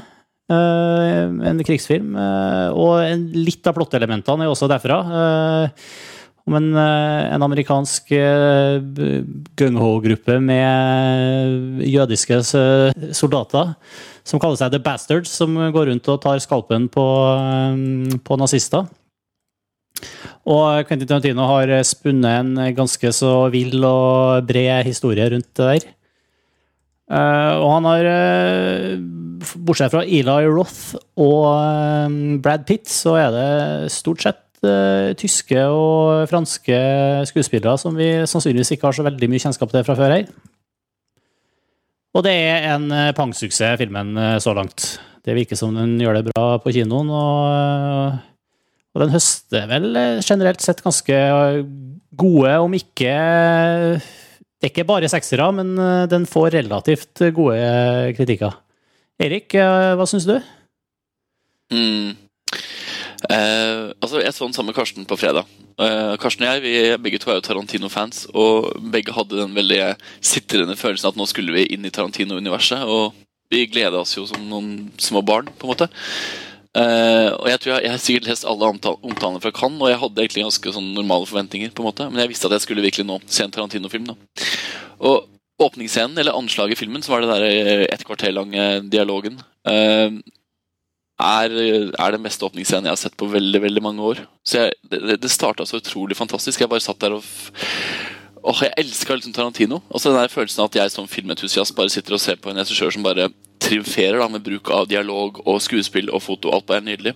Men så etter hvert som filmen steg framover, så ble jeg egentlig mer og mer uengasjert. For det, ble, det var så ujevnt. Eh, og for aller første gang i mitt liv så følte jeg at jeg så en udynamisk Tarantino-film. Altså en film hvor musikken og klipp og sånn ikke funka. Altså, og kryssklippingene mellom de forskjellige historiene og forskjellige karakterene fungerte ikke. Så jeg falt veldig mye ut, samtidig som jeg enkelte ganger var helt inne i, inne i filmen. Så det var en veldig ujevn opplevelse. Det er det første jeg kan si. Deler du og det er sånn du også, den følelsen du også satt igjen med, Karsten? Eller?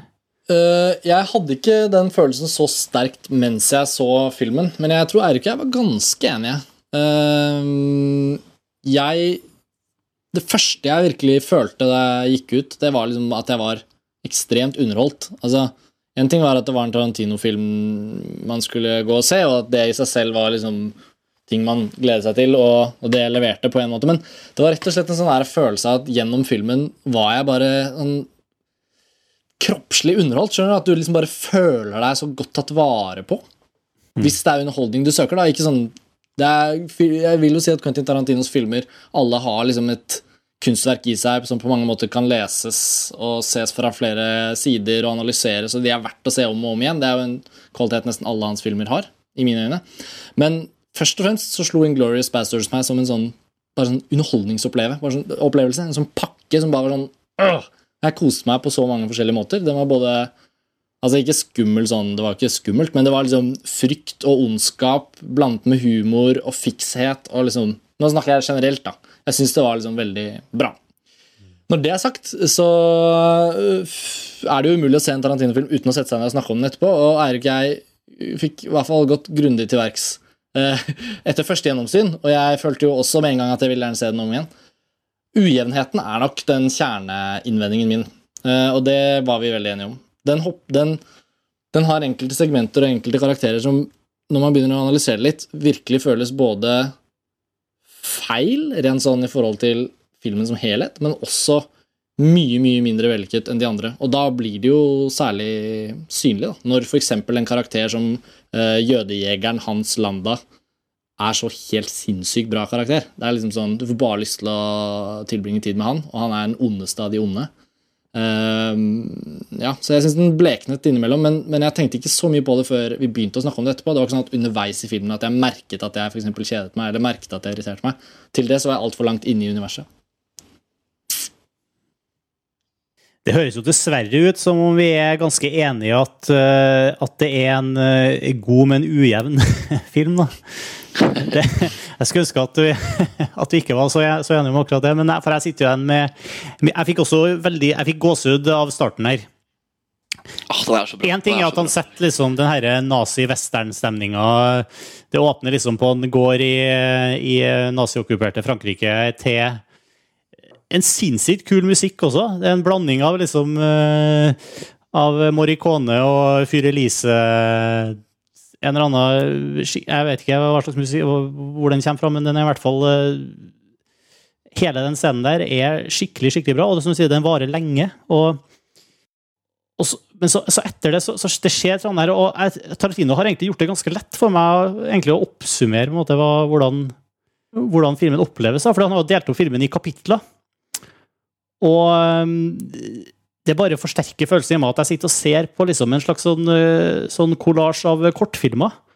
Hvor, øh, hvor et par av kortfilmene er helt fantastisk, og, og resten er litt sånn øh, middels. Og, og, ikke, og det, det blir jo selvfølgelig forsterka av at mange av scenene er veldig veldig lang, og liksom, det er satt liksom i ett lokale, og det er masse masse prating over lengre tid. Det gjør liksom at, eh, at til tross for at jeg er, sitter igjen med en sånn Jeg har blitt Jeg har sittet to og en halv time nesten i, kinosalen og blitt veldig underholdt og har vært med på en uh, ride og sånn, men det, det, stikker ikke så veldig dypt etterpå. Og jeg sitter ikke igjen med, liksom, med følelsen av at det her er et, et sånn definitivt filmhistorisk mesterverk. da. Nei, altså, jeg tror kanskje Det verste er at man ikke har de der nøkkelscenene i hodet etterpå. Altså Som jeg så Kill Bill. Jeg, jeg syns Kill Bill 1 og 2 er uh, helt briljante. Altså Jeg synes de filmene er så Fordi de er så nøyaktig det de skal være. da Og Han, til, han lykkes utrolig godt med det han ønsker å få til med de filmene. Men når jeg gikk ut av kinosalen etter uh, de to, så var jeg bare jeg hadde, altså Hodet var så fullt da av inntrykk i positiv forstand. Og det var så mye Altså det var så mange scener, og jeg huska så mange replikker. Og det var så mye Det var så mye da Men sånn som her, så var det egentlig bare en to-tre ting som jeg følte var engasjerende å snakke om etterpå. da. Hovedsakelig han Christopher Waltz, som spiller denne jødejegerpersonen. Som er en eh, gnistrende god birolle-tolkning og en veldig godt skrevet karakter. Men til forskjell, altså det der kapittelinndelingen da, for eksempel, som man har gjort på Pulp Fiction og i Kill Bill osv. Jeg syns ikke det funker her, for at det er med å gjøre filmen enda mer ujevn. Nettopp fordi sånn som du sier at det blir kortfilmer. da. Og det er så veldig kvalitetsforskjell på de innbyrdes uh, kapitlene at liksom, Det føles mer som at jeg skulle kunne tatt ut to-tre av de og sett de sammen, og så kunne vi droppa liksom fire-fem av de. Ja, det, det, som er kjipt, er at hun, eh, Melanie Laurent, som også er en veldig god skuespiller og hun, tar, hun, liksom, hun funker veldig bra i de scenene, men, men de delene av historien eh, klarte jeg nesten ikke å la meg rive med av i hele tatt. liksom. Men da er vi jo litt uenige, kanskje, for da er det ikke kanskje de samme bitene vi er uh, misfornøyd med. For jeg syns jo Melanie Laurent-karakteren og alt det som foregikk der, var veldig bra. Jeg synes det var, Der hadde jeg ikke noen innvendinger. Egentlig hele siste timen uh, tror jeg jeg syns var helt fantastisk. Det var mer midtdelen. Ja. Men hva har egentlig skjedd mellom premieren i Cannes og kinoversjonen nå? Eh, for det skjønte jeg at det var litt snakk om at uh, han rusha den filmen veldig for å rekke Cannes og hadde lyst til å tweake mer etterpå. Var det noen som vet det? Det ser ikke ut som han har tweaka så mye. Nei. Men det er jo bare klippa ned fire minutter, og så er den omorkestrert litt. Ja, det er én scene er, tror jeg, som er lagt til der. Uh, en, liten, en liten en. Ja. Og utover det så er det uh, timingspørsmål, tror jeg. Okay. Den er kortere uansett. da Den er fire minutter kortere nå enn i Cannes. Jeg husker ikke, ikke Men da er det i hvert fall det er, ikke, det er, det er liksom en akademisk forskjell, det er ikke noe radikalt. ja, det kan man si. Ja. Men det som, jeg tror kanskje det som skjedde i Cannes For den fikk jo en veldig lunken mottakelse i Cannes. Ja, det, det, det, det, jeg husker sånn, så, så, liksom Nå i, i oppbygninga nå Så har liksom veldig gode anmeldelser kommet, så jeg bare lurer på om det var noe sammenheng. Jeg har en veldig følelse av som skal, i hvert fall Min opplevelse med Cannes-festivalen er at det er en veldig stigmatiserende festival i forhold til gruppepress. da, altså blant journalistene. Det er veldig mange filmer som de viser de kan. og så Hvis én eh, eller to eh, opinionsledende journalister ikke liker den, så liker ingen andre den heller. Nettopp fordi at filmens, altså meningen om filmen dannes over et champagne etter premieren. Over ti minutter. Men når journalistene går inn på pressevisningen selv, alene, i tomrom og skriver den etterpå, så tror jeg at de nesten Da stoler de mer på sin egen mening om filmen. da og jeg tror at den filmen her har tjent mer på uh, enkeltanmeldelsene enn det der massive Cannes-fokuset. Uh, for den har jo nesten snudd fullstendig om. Altså De lunkne anmeldelsene som var i Cannes, har jo blitt trukket tilbake fra veldig mange journalister og erstatta med til dels veldig positive anmeldelser, da, spesielt i USA. Jeg syns det er interessant hva, hva, du sier, Erik. at uh, altså, Det virker som det er et sånt skille i, i Quentin Tarantino Skulle du si hvordan folk Blant fans? Ja, fordi at jeg synes liksom etter Pulp Fiction så går sånn folk begge veier, og mange er jo helt med, liksom. Og, og Kill Bill er liksom Han han går liksom eh, Han tar det ett et, Han tar det liksom bare høyere og høyere, og, og det liksom det topper seg med Kill Bill og sånn, mens, mens, mens, andre igjen føler at uh, han liksom driver og drøvtygger litt, uh, kanskje. Og jeg, mm. jeg, vet ikke om jeg, jeg, litt, jeg, må si at jeg er litt med der. Jeg har liksom ikke helt vært med på den Kill Bill-bølgen. Og jeg ligger ikke like mye og, i, i, støvet for, for Tarantino uh, i de siste filmene, altså. Jeg var langt på vei med til og med Jackie Brown. Uh, selv om det også var en adopsjon av en uh, roman, så var det likevel på en måte følte jeg at um, at det var noe Tarantino i det som var hans. Mens jeg fulgte med Kill Bill 1 og 2, som selvfølgelig Nå har jeg sikkert fornærma på det groveste alle som egentlig kan Tarantino og Kill Bill. Men, men for meg så er jo en mye, i mye større grad en sånn slags kurator for andres ideer og filmer som han tar og gjør sin spinn på, og mer enn at han er en filmskaper, da, rett og slett. Uh, så jeg blir, jeg blir sittende litt på utsida av det hele å se på en fyr som bare boltrer seg og koser seg og leker seg, men, eh, men uh, uten at han nødvendigvis eh, har så veldig mye å fortelle meg om Ja, verden. det er akkurat jeg, jeg, jeg, føler at filmene hans nå, sånn som jeg, og det er vanskelig å se den filmen her, også Inglourious Bastards, uten å sitte og liksom, det, det hører med til metaopplevelsen av å se filmen at, at det er en Tarantino-film. liksom. Og det er så vanskelig å, å ikke altså, På ene sida så er det så kult. Det er liksom, det er kulhet i, i tusende grad. liksom det, er det bare oser av kul, men samtidig så så, så føler jeg Altså, han, han leker Det handler om språk og filmspråk, men, men ha det, det, det forteller meg ikke så veldig mye. Det, det sier meg veldig lite. Og det er utrolig vanskelig Det, blir jo ikke noe lettere å ta det på, på noe som er slags alvor når, når figurene er så karikert som de, eh, de blir bare mer og mer karikert for hver Tarantino-film. Eh, Du, du får liksom å, å Det blir sånt Det er veldig det er veldig underholdende å se på, det, men det handler liksom om hvor, hvor, eh, hvor kul Tarantino hvor kul filmene hans er, og hvor, hvor mye selvrefererende det, det blir, og hvor mye det handler om film, men, men kanskje ikke så mye om, om noe annet. Jeg tror kanskje det er veldig Jeg tror det er veldig dumt å gå inn på Tarantino-film og forvente å bli fortalt hvordan verden fungerer i dag, og samfunnskritiske spørsmål. Og jeg tror ikke Tarantino er seg sjøl man skal gå til for å finne mening med livet. liksom. Jeg tror, og det har han heller aldri hatt. Altså Han har aldri hatt noen ambisjon om å fortelle oss hva som skjer Nei, det, det er helt i fair. verden. Det er helt fair. Og det, og, det, og, det, og, det, og det er veldig viktig, men sånn som det som jeg tror er hovedinnvendingen da imot uh, Inglourious Basterds, er jo at i Kill Bill volum 1 og 2 så var jeg hele tiden uansett inne i Tarantinos univers. Jeg lot meg underholde til fulle. ikke sant? Og faktisk så hadde jeg veldig mye sympati med denne Bride-karakteren. altså jeg, jeg, jeg var med på hevntokten. da på hennes side hele veien gjennom to filmer. Mens i denne filmen her så, så ble det for tydelig at Tarantino er en veldig selvdiggende, egoistisk og ganske så navlebeskuende regissør. Altså, den delen ble tydeligere for meg enn den underholdningsverdien. Og de handler aldri om menneskespørsmål. Det er aldri, det er aldri større verdier og store spørsmål, men, men det er greit, så lenge jeg lar meg underholde, så lenge jeg sitter der og koser meg, liksom storkoser meg, sånn som jeg har gjort fram til nå. Men i Glorious Bastards så falt jeg veldig mye ut og inn av filmen, og da så jeg kanskje lettere filmen fra utsiden enn jeg har gjort før, for jeg har kanskje blitt litt fanga av det visuelle universet osv.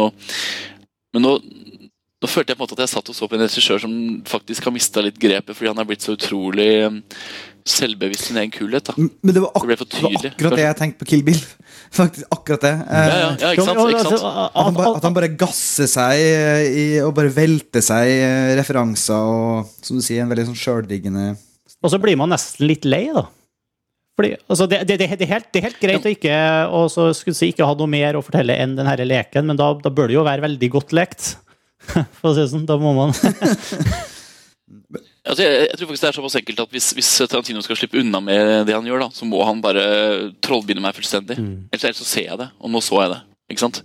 Og hvis, hvis du så det før meg, Erik Kilbill, så er jo det, det, er, det er mange som har sagt det. Det samme. Spesielt, spesielt om den første, da, Kill Bill-filmen, at de, da gjennomskua de det, på en måte. Enig at toeren er bedre, altså. Men jeg vil jo si Jeg synes det er, det er egentlig litt sånn synd hvis vi snakker om denne filmen her som en, en mislykka film. Fordi for eksempel det faktum at han, har, at han nesten bare jobber med europeiske skuespillere, syns jeg er utrolig morsomt. da At han velger å bare caste ganske mange kjente, vil jeg påstå. da Tyske, franske, britiske. Det er jo de beste på, fra er sine land. De er jo superrutinerte. De har jo milelange CV-er, de her skuespillerne. Ja, Ja, ja, og det er han, utrolig jeg mener, Det er kjempe, kjempegøy. da han ene tyskeren, som jeg skjønner har en av hovedrollene eh, Tarantino snakker ganske mye om han i et veldig bra intervju, halvtimes intervju, som er på podkasten The Treatment. Det har jeg hørt på. Herved anbefales. Christoph Hørte jeg. Waltz. Mm? Waltz heter, heter skuespilleren. Ja, for han hadde ikke en lang CV. Han var sånn som Tarantino beskriver som en sånn third billing på tysk TV, liksom. Eh, men han hadde det her språkøret som Han har en lang CV. Han har spilt Han, han har 90 roller på IMDb, i hvert fall. Men Mm. selvfølgelig mange av dem på TV, inkludert Derrick. Hei! Ja, han har vært mye der, ikke? Men jeg synes at det er veldig synd hvis, vi snakker om at vi er skuffa av uh, Glorious Bastards, for det er veldig mange ting som snakker om som er veldig positivt. Blant annet Christopher Waltz, da, som er, vel er den sikreste Oscar-nominasjonen neste Ja, det er litt sånn runde, Heath Ledger i Batman eller Dark Knight-nivå, da. På en måte. Altså, det er helt forskjellige ja. karakterer, men det er det, det, er det derre vanvittig tiltrekkende monsteret som du bare på en måte ikke kan Du bare må se mer, liksom. Ja, og, og, og, han er så karismatisk. og det er jo ikke en veldig mislykka film. Det, altså de, se, de, det er jo så mye her som er så bra at det er en sinnssykt kul opplevelse å se filmen. Det er det som er poenget. altså Den er, den er så todelt. da Altså Det som fungerer, fungerer så utrolig bra. da Det som er gøy, er Og så siste scenen, liksom. Eller, Det er jeg mener det er den siste timen. Jeg synes virkelig fra ja, Uten at vi skal gå i detalj, for det er sikkert en del som ennå ikke har sett den. Men, men jeg syns det bare er en Der var jeg så med hele veien. Jeg har nesten ingenting å utsette på fra liksom det begynner til det er over. Hvis dere skjønner hva jeg mener. åpninga og slutten er fantastisk. Ja. Men nå er vi jo enige om at filmfrelst er spoiler så vi kan jo godt fortelle hva slutten er. For, Ja. for det har vi jo sagt for lengst Men jeg synes den aller siste scenen, altså når det faktisk skjer det som skal skje, og åpningsscenen, Christopher Waltz altså Det er så mange enkeltting som er altså rett og slett bare helt utrolig. Du sitter bare og Du elsker det, da. Eh, og for å gå tilbake til den Christopher Waltz-karakteren Jeg vet ikke hva du syns, men altså, jeg syns når han, når han snakker eh, først når han snakker tysk, så tenker jeg ok Eller først når han snakker engelsk i første scenen, så har han kjempegod aksent, og så tenker jeg jøss, han snakker godt engelsk. Og så snakker han tysk, ok, han snakker tysk til vanlig. Men så begynner han å snakke fransk. Og da blir jeg litt sånn eh, Men han kan jo ikke snakke så godt fransk. Han må, det her er jo helt feil. Han kan, han kan ikke greie å spille den karakteren like bra på fransk. Men det gjør han jo. Og så begynner han å snakke italiensk. Liksom. For øvrig med Brad Pitt i en utrolig morsom scene. Og han er, han er så komplett. da Den karakteren er så bra. Men det er jo ikke bare Tarantino, det er jo faktisk skuespilleren som han tilfører den så mye motorikk. da Det er så mye hender og det er så mye altså Han er fransk og han er italiensk, han skifter personlighet, men beholder den samme karakteren. da Det er bare sånn Nå får jeg i er hvert fall, hvert lyst til å se den. Og, Ja, altså, og det, er, det må jeg bare ha sagt en gang for alle at dette er virkelig en film som folk må se. Uavhengig om de har en forhold til Tarantino eller ikke. eller hva som helst altså, Det er en kjempefilm på mange måter. Den er liksom underlig, og, og, og man kan dra én parallell da, som jeg synes er litt sånn gøy. fordi andre verdenskrig er jo tross alt en tematikk som er blitt tatt veldig på alvor. Altså Film er jo liksom et medium som lå veldig til rette for å fortelle historier fra andre verdenskrig, fordi film var liksom midt i utviklings- og gullperioden sin da andre verdenskrig var over, og fargefilmen var liksom Andre verdenskrig er jo skildret på film til det kjedsommelige, men det er jo blitt tatt veldig på alvor. Det er jo liksom eh, Det er jo på en måte blitt historisk korrekthet, og det er så veldig mye man skal ta hensyn til. Denne filmen her går inn og sier ja, kanskje dette som et slags sånn parallelt andre verdenskrigs-univers kunne vært noe. Det er virkelig, virkelig fascinerende hvis du begynner å stille spørsmål ved f.eks. Og det snakker han om i The Treatment eh, Tarantino. The unreliable narrator, altså fortelleren som du ikke kan stole på. Det er ekstremt mange avhørsscener i filmen, og det er veldig mye i filmen som egentlig strengt tatt ikke, ikke kan være Ikke nødvendigvis trenger å være sant. Fordi karakterene har ikke noe grunn til å snakke sant til hverandre fordi de er truet eller de er altså det og, og det er så mye som stiller spørsmål ved, og så er det jo enorme biter historie som ikke fortelles. Gjennom selve kapittelinndelingen så er det jo liksom sånn som at hun rømmer i den åpningsscenen, og så tre år senere så er hun i, i Paris og eier en kino. Altså, hva har skjedd i de tre årene imellom? Uh, og uh, ikke minst med liksom Bastards. Alt det de driver med, det får vi jo nesten ikke se noen ting av. Deres mål og mening i livet er jo å, jakte på nazier, og det er jo veldig lite jakting. Men det er, det er akkurat det der får jeg meg til å si Hadde ikke det vært kult som en mini-TV-serie? Jo, og det Gjett om det er det, det, om det, det det som Jo, men det er, det er det som er den, er den endelige følelsen. Ikke sant? At man gjerne skulle sett miniserien uh, istedenfor. Man skulle gjerne sett åtte altså man skulle gjerne sett de åtte kapitlene fortalt som åtte episoder. da vil jeg, vil jeg si, På en time hver. Og det er jo ingen, ingen jaktscener Karsten, i filmen. Det er jo ingen jaktscener. Du får jo kun se når de først har tatt vedkommende. ikke sant? Vi får jo ikke, vi får jo ikke noen sånne type sånn forfølgelsesscener eller sånne ting som vi kanskje kunne håpe at det ville være. da. Eh, jeg synes jo egentlig at på mange måter så er jo filmen her kanskje en litt sånn forspilt mulighet da, fra Tarantino. Fordi for det første så føler jeg at filmen eh, trenger ikke kinolerretet. Den, er ikke- den er ikke så stor eller så inntrengende at den trenger eh, kino. Den kunne godt vært vist på TV som en mm, miniserie, sånn som Martin sier. da. Bortsett fra slutten, da, som er veldig stor. Jo, jo, men altså, den, det er liksom det er, Sånn som Kill Bill da, trengte kinolerretet, på en måte, vil jeg påstå. Spesielt Volum 2, som var så altså det Hele film noir-delen i Kill Bill Volum 2 trengte jo kinolerretet for å virkelig få ut ambisjonene. ikke sant? Men det er ikke mm, Det er ingen sånne ting i denne filmen her, kanskje bortsett fra siste scenen. Og det hadde vært så gøy å bare få se Utrolig gøy å få, se, å få se det her som miniserie, og virkelig se Bastards i utvikling. Se hva som skjedde med denne karakteren i de tre årene før hun kommer på Paris-kinoen. Fordi vi, vi skjønner at Tarantino vet det. Vi skjønner at det er så veldig mye her. da. Men la oss snakke om noe av det verste, da. Eh, Diane Kruger, eh, kanskje. Ja. Uff. Hun er jo helt jævlig. Altså, jeg, har aldri likt Diane Kruger som skuespiller, men fy faen. Jeg, må si at jeg likte likevel den scenen som jeg er med i. Den, Hvilken? den, se- den scenen i kjelleren på vertshuset. Jeg syns det var en god scene. altså. Altså, jeg, jeg syns den scenen begynner når, øh, når denne Gestapo-offiseren tilkjennegjør seg. Det er først da den scenen egentlig begynner. Fordi den har på en måte ikke noe element av frykt eller trussel. Jeg synes det er på en måte litt sånn Vi vet jo egentlig det er, det, er, ikke så mye informasjon som skal fremkomme i det møtet mellom de karakterene som ikke vi vet, og vi får ikke inntrykk av at vi skal fortelles noe. Og Når det gjelder Dan Diane Krugers eh, karakter, da, nå husker jeg ikke detaljert hele navnet hennes, men det er noe sånn Brigitte von Hammersmark eller noe sånt, eh, som er en, eh, hun er da en tysk filmstjerne. Dette er Diane Kruger, en tysk skuespiller, som spiller en skuespillerinne Karakteren hennes er en skuespillerinne som er en spion, og som på mange måter i scenen må oppføre seg både som skuespillerinnen og som spionen, og som skal spilles riktig. Og jeg føler rett og slett at Diane Kruger, eller Tarantino, eller hvem som er ansvarlig, ja, Tarantino er vel ansvarlig, men uansett, de får det ikke til. Det mangler noen nyanser der som gjør at jeg føler at jeg Det var en av de få gangene jeg falt veldig ut, var det at jeg ikke, ikke var med For det første ikke karakteren rent sånn som den var skrevet, for jeg følte den ble mer og mer meningsløs desto lenger vi kom ut i filmen. Men også fordi jeg syns hun virkelig ikke klarte å løse den på den måten Uma Thurman for eksempel, så briljant har klart den derre rare mellomtonen hvor du får til liksom Tarantinos eh, litt sånn poetiske dialog, samtidig som du klarer å være en karakter som ikke blir helt tegneserie. Altså, det, er jævla, det er mange som sliter med de nyansene, men Diane Kruger hun, hun falt igjennom. Altså. Og særlig målt opp mot Melanie Laurent, som spiller hun franske eh, hovedpersonen, nesten, kan man si. Eh, så, så det var min hovedinnsigelse sånn skuespillermessig. Pluss at jeg syns Eli Roth som han derre bjørnejøden eh, Jeg er ikke helt med på han heller. Men, eh, men det er de to. Det virker bare som en kompistjeneste. Altså. Jo, men Han er jo så skummel da, i seg selv, så han, Han er jo han jo sånn sett. Han er veldig skummel og ekkel. Men det som er litt morsomt, synes jeg, er at hun, det ene er Kruger. Hun er for, eh, hun er for flat da, som skuespiller, og hun har ikke nok utstråling til å kunne være i et Tarantino-univers. Og det er veldig morsomt, fordi I kontrast til at vi snakker om at det er så pappfigurer, eller ikke pappfigurer, men det blir mer og mer karikert og mer og mer tegneseriefigurer han lager i sine filmer, så krever han allikevel skuespillere som kan gestalte det med en sånn merkelig kombinasjon. Du sier den der X-faktoren, Karsten. En slags innlevelse. Og Diane Kruger spiller jo en veldig komplisert karakter i forhold til hva hun er, da, ikke sant? Men hun som skuespiller, hun som person, er ikke nok eh, Hun har ikke nok å spille på. Da. Hun har ikke nok Altså, Utseendemessig er jo Diane Kruger en veldig kjedelig eh, person. vil jeg påstå. Hun er pen, liksom, men hun er ikke noe annet enn det. Og, og det er så gøy at I et Tarantino-univers, selv om det er flate karakterer, så har de masse forhistorie, og det krever skuespillere som kan vise den forhistorien i ansiktet. da. Sånn som Chris- Christoph Waltz funker så utrolig bra med. da. Han har liksom, Du ser det på han. liksom du eller, eller altså, vet ikke jeg. Han, han, han trenger skuespillere som har veldig eh, subtilitet, da. Trass i at det er veldig flate karakterer. Men, men, men derfor, den, den scenen i vertshuset er jo på en måte en repeat av åpningsscenen, bare litt dårligere.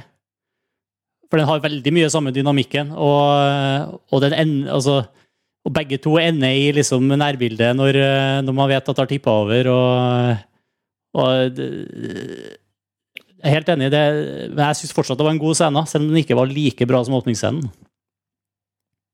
Det morsomme er jo de der, altså, som vi snakka om, om på, på Kafé Karsten, at når Tarantino går inn i et rom da, på en måte og lager seg et rom med fire vegger, og så plasserer han skuespillerne i det rommet, f.eks. i denne kjelleren, ikke sant? eller i Kill Bill inne i en trailer-tingen, eller eh, kaféscenen i Pulp Fiction, eh, eller det er lager i Reservoir Dogs, når han på en måte bare plasserer karakterene sine et sted, og så lar han kameraet bare fritt bevege seg blant dem, så er det så gøy å se på Tarantino-filmer, når han bare holder seg på ett sted i 20 minutter, og vi skal kunne være der, da. Det er en slags sånn koselig følelse.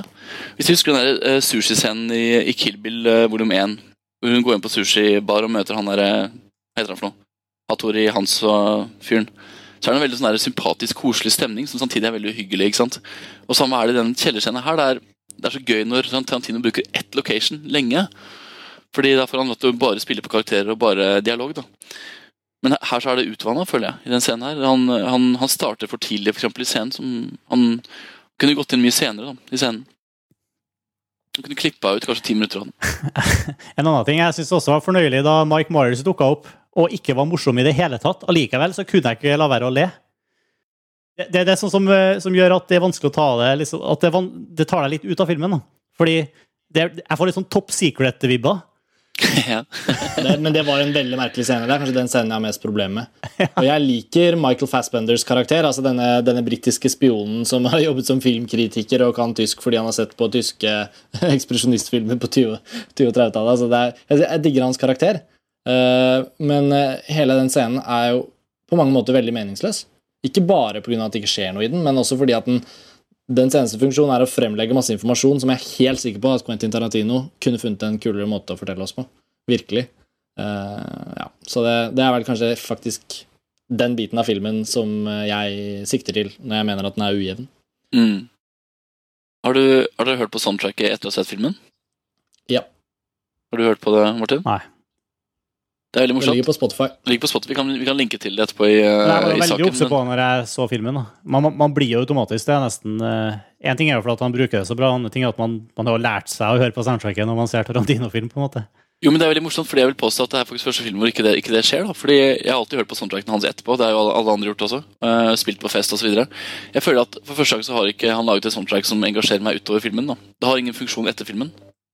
Uh, jeg har liksom Jeg, jeg synes at Jeg synes at det er utrolig kjedelig soundtrack til å være Tarantino. da og Jeg følte heller ikke at det tilførte filmen så veldig mye. Jeg synes Ennio Morricone-segmentene ble Altså De var jo svulstige Kill Bill, liksom. De var veldig pompøse, men da funka det, for det passa i stil. Men nå ble det egentlig bare teit. Goofy. Jeg synes det var veldig artig når det var, du hadde denne litt sånn småsure eh, Liksom pompøse stryker eh, orkestermusikken. Mm. Jeg regner med det var småsurt hos dere òg, ikke bare i kinosalen min. jo da. det var det. Det morsomme er jo sånn som første scenen, for å snakke om hvordan Tarantino-musikk egentlig fungerer. At han ikke har noen musikk i det hele tatt, annet enn på, på plakatene på starten. Men så stå, stripper han musikken fullstendig og holder seg til lydbildet, ikke sant? Eh, altså dialogen. Og så, begynner, så kjører han på med den pompøse musikken, og kameraet går opp og begynner å sirkulere rundt det. ikke sant? Da får jeg sånn Tarantino-gress på ryggen. Altså Den ultimate kombinasjonen av musikk og bilder, da, som han egentlig kanskje gjør best av alle. Eh, men det føler jeg er den eneste scenen hvor det faktisk fungerer. Og jeg mener, Det er jo det som er så gøy i Kill Bill. Det er, så, det er så mange sånne scener. Det er så mange scener hvor alt bare er orkestrert perfekt, da, etter min mening. Ja, men jeg, jeg merker nå, mens vi snakker om det altså, På en måte så hadde dette kanskje vært den filmen fremfor noen som det kunne vært klokt å vente noen uker før man lagde en episode om. fordi både har jeg lyst til å se den om igjen, men, men jeg føler på en måte at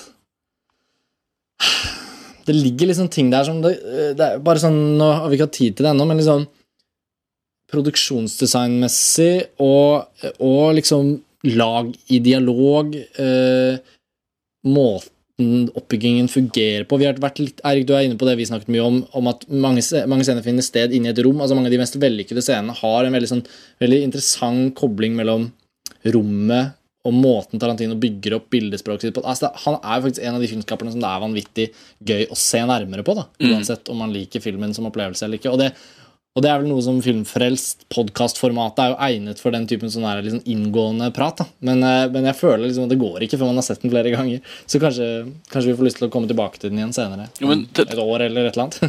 Ja, men Tenk på den scenen i Kill Bill, eh, den første hvor de er på den der eh, restauranten som de ødelegger fullstendig. Husker du den scenen? Uh, Hvilken, ja, hvilken, altså den der med den, eh, ja, den Hvor den gigantiske den Oppbygningen fra bandet som spiller til liksom den Ja, ja, ja. Ikke sant? Det er et godt eksempel på at Tarantino lager et studiorom da, ikke sant? og plasserer alle karakterene sine der, og så lar han kameraet løpe fritt. Og så er det så gøy. Altså Man sitter på en måte og koser seg med hvordan Tarantino bruker rom. da. Og det jeg, jeg, jeg, jeg, er jo blant de som når jeg ser på Tarantino-film Eller Første gang jeg ser en Tarantino-film, så gleder jeg meg til han skal gå inn i et lokale som jeg ser at han kommer til å bli værende i. da. Altså Jeg, liker ideen om at han, han bruker det på den måten. Jeg kommer faktisk sikkert på noen andre filmskapere hvor jeg så til de grader er liksom besatt av location, da. Som hos han. Uh, Det er ikke, Det er så kult. Det er jo ikke tilfeldig at, at hele Reservoir Dogs foregår i et varehus. Jo, men Det er så gøy, da, Nei, måten han gjør det på. Det er så morsomt. og Det, det har vært en analyse, en egen filmfrelseepisode, og snakke bare om det. Tenk på, tenk på åpningsscenen da, i, eh, i denne filmen her. ikke sant? Ute på en franske bondelandskapet i et hus, og vi vet at et eller annet skal skje. Det skjønner vi jo fra første sekund. ikke sant? For det er en sånn ekkel stemning. Og det eneste han gjør, er egentlig bare å la kameraet gå rundt to karakterer som er utrolig velspilt, som har kjempebra replikker. Men så er det en sånn ekkel følelse. Det er en sånn vemmelighet da, i hele scenen. Samtidig som du er underholdt. samtidig som du, altså Det er masse følelser. da. Og det får han til i et bitte lite trangt rom. Jeg mener, det er- ganske imponerende. Apropos bitte små, det er jo den scenen jeg husker aller mest fra Kill Bill.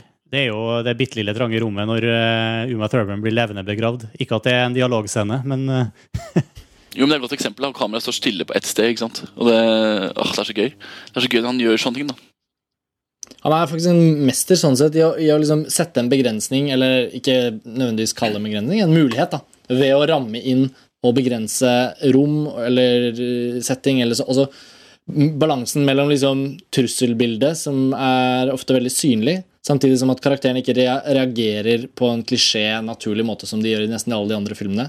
Enten gjennom at de blir sittende og snakke om helt andre ting helt til dramaet må utspille seg, eller at de liksom eh, Eller at de griper problemet an på en litt sånn uortodoks eh, måte. da. Mm. Bare sånn, sånn som Reservoir Dogs, hvor fantastisk det på en måte er at denne karakteren kan liksom være blødende og dødende fra filmens åpning, og liksom bare blø gjennom hele filmen. Uh, og det er ingen som liksom sier 'hvorfor har ikke han dødd snart', eller liksom 'hvorfor er det ikke sånn som i andre filmer', hvor du liksom bla, bla, bla. Det er liksom han klarer å utnytte sånne ting, og, og, og det gjør han jo kontinuerlig gjennom de fleste av filmene sine, vil jeg si. Og, og, i Inglorious Bastards kanskje, kanskje mer enn i mange andre. altså. Uh, virkelig på sitt beste, sånn som denne kinoen, som da representerer den siste timen av filmen. Mesteparten, i hvert fall. Den syns jeg er så vanvittig fint løst. Liksom, og det er jo et ganske stort rom, for det er jo både projeksjonsrom, det er selve publikumsområdet hvor folk sitter og ser på film. Det er eh, ikke minst lobbyen, som er fantastisk kult løst. Han bytter jo på en måte filmspråk fra kapittel til kapittel også. Eh, og, og klimaks og Nei, det er, det er så mye å, å gå inn i der, da. Som jeg, håper, eh, som jeg håper det kommer til å bli anledning til også senere. Om ikke på Filmfrelst, så i hvert fall over, over en øl. Jeg må, jo faktisk si at den, det som jeg vil Eller jeg er uenig, for jeg vil faktisk si at den kinodelen siste timen fungerer dårligst i forhold til rom. da, alt sammen, fordi han, Tenk på at du skal, du skal lage film i en, i en kino, og du har alle de stemningsfulle mulighetene. Så føler jeg at han nesten bruker, han kaster bort mulighetene. Jeg føler ikke at han får til det samme som han får til i eh, restauranten i Kill Bill eller lager i Reservoir Dogs. Det er ikke den samme Altså, jeg, jeg tror ikke, jeg tror ikke det, det som location vil holde seg over flere mm, gangers gjennomsyn. da. Fordi Kameraet er ikke så fritt, og det er, liksom, det er liksom mye kjedeligere kamerabruk. da, enn pleier å ha. Det er så mye mer, det er så mye mer satt. Jeg vet ikke. Altså, vi er jo enige, vi snakket om det da det, vi trenger ikke og krangle på det, men jeg, jeg, jeg, gleder meg til å se det om igjen, og kanskje jeg blir mer enig med deg. kanskje motsatt, Men jeg syns, i hvert fall på førsteinntrykk og, og jeg så Cinema Paradiso i sommer og, og tenkte jo øyeblikkelig på den. Det er jo ikke så mange filmer som tar kinoen i bruk virkelig som et, som et senter for, for handlingen. Da. Men vi må ikke glemme at her i Inglourious Bastards så er det tross alt en kino i Paris. I andre verdenskrigs eh, erobrede, nazi-erobrede Paris. Det er, det er en hel verden utenfor som han knapt eh, toucher. da. Han er liksom innom en kafé, men hovedsakelig så er han på den kinoen. Og for meg så fungerte det veldig godt at selv om begrensningen var der, eh, så klarte han å utvide kinoen da, gjennom de forskjellige rommene en kino kan ha, og, og, og klarte å liksom utvide rommet i takt med handlingen og hele tiden holde meg på tærne og hele tiden holde meg interessert, og flere karakterer som kommer frem til kinoen. og det, er, det var veldig mye der som jeg, som jeg var veldig inne i, men, eh, men man trenger flere gjennomsyn for å, for å få på plass selve analysen av det, egentlig, hvordan det fungerer. Mm.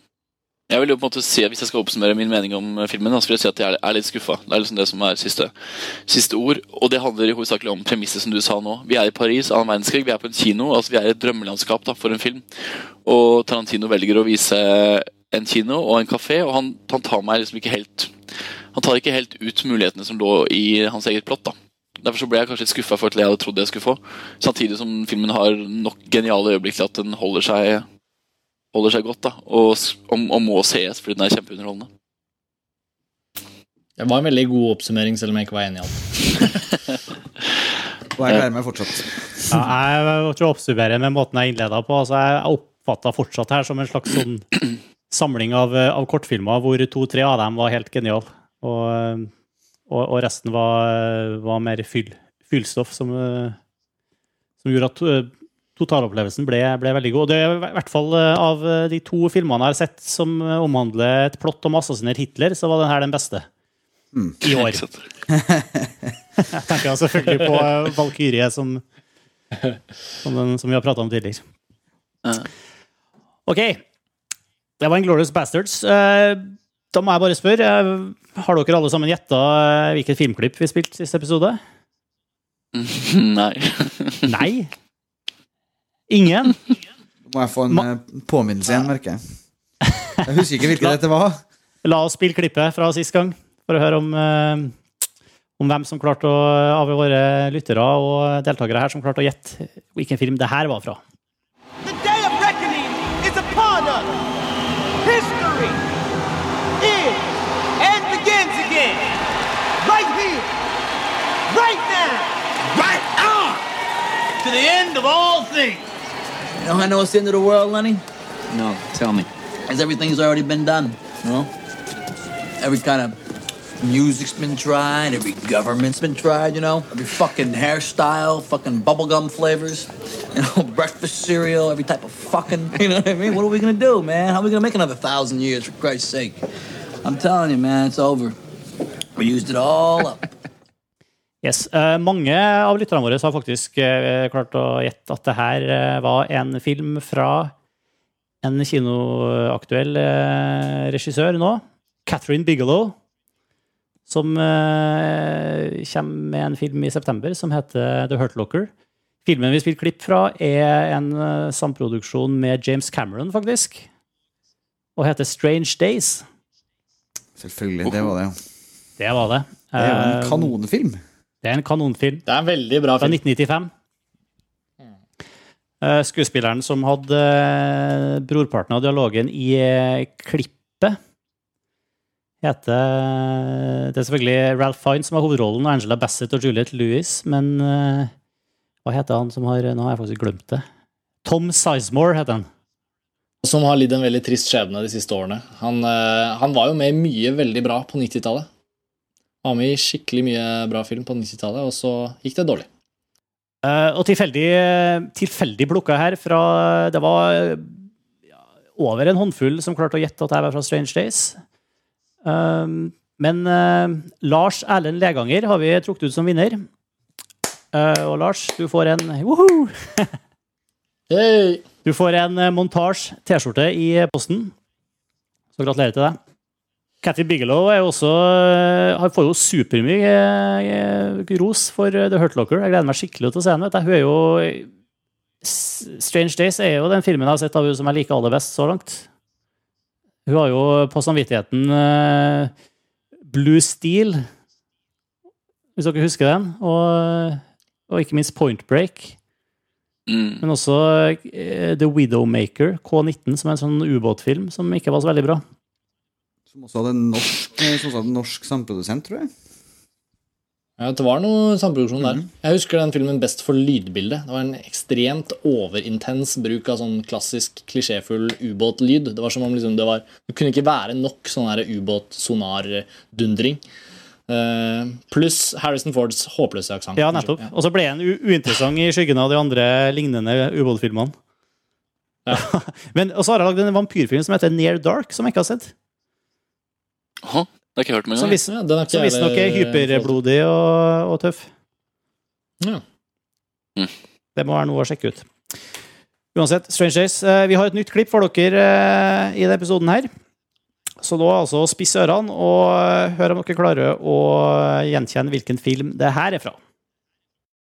Who is this man? He's Mr. Stutterstuff. I see him. What is your job, Mr. Stuckerstuff? He's the beekeeper. I'm not asking you. I'm asking Mr. Stuffsucker. What's that? What is he saying to you? What? What? What was that? He says he's got a bit of a cold and he's lost his voice. Lost his voice. A beekeeper who has lost his voice. A cook who thinks he's a gardener. And a witness to a murder. Oh, yes. It is obvious to my trained eye that there is much more going on here than meets the ear.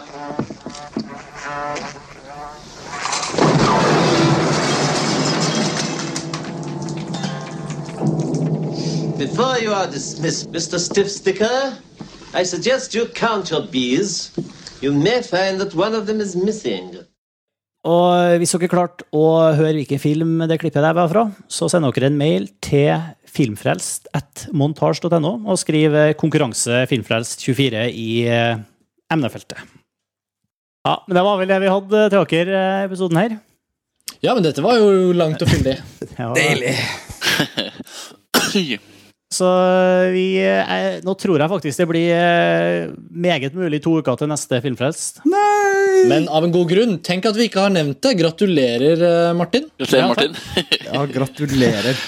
Dette er jo første episode av Filmfrelst der du er eh, Tobarnsfar. Tobarnsfar. Rett og slett.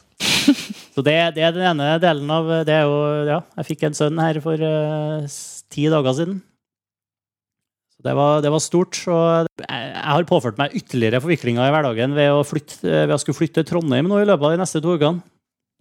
Så um, det, ja, det, derfor blir det sannsynligvis ikke noe filmfrelst med det aller første.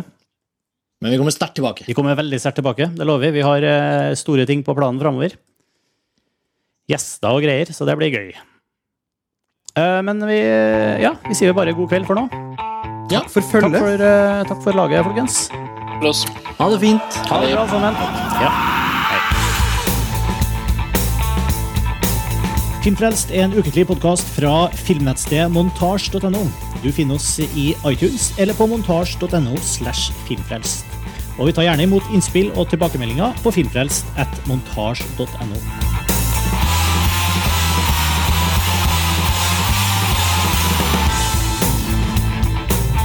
Og musikken du hører nå, er fra det norske bandet Ping. Hør mer på thepingpage.com.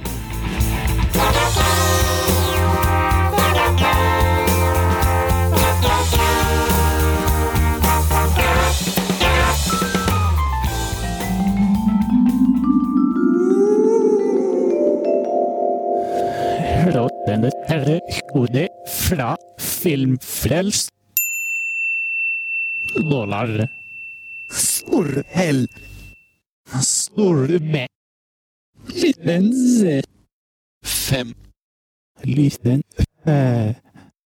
Storhjort. ERT.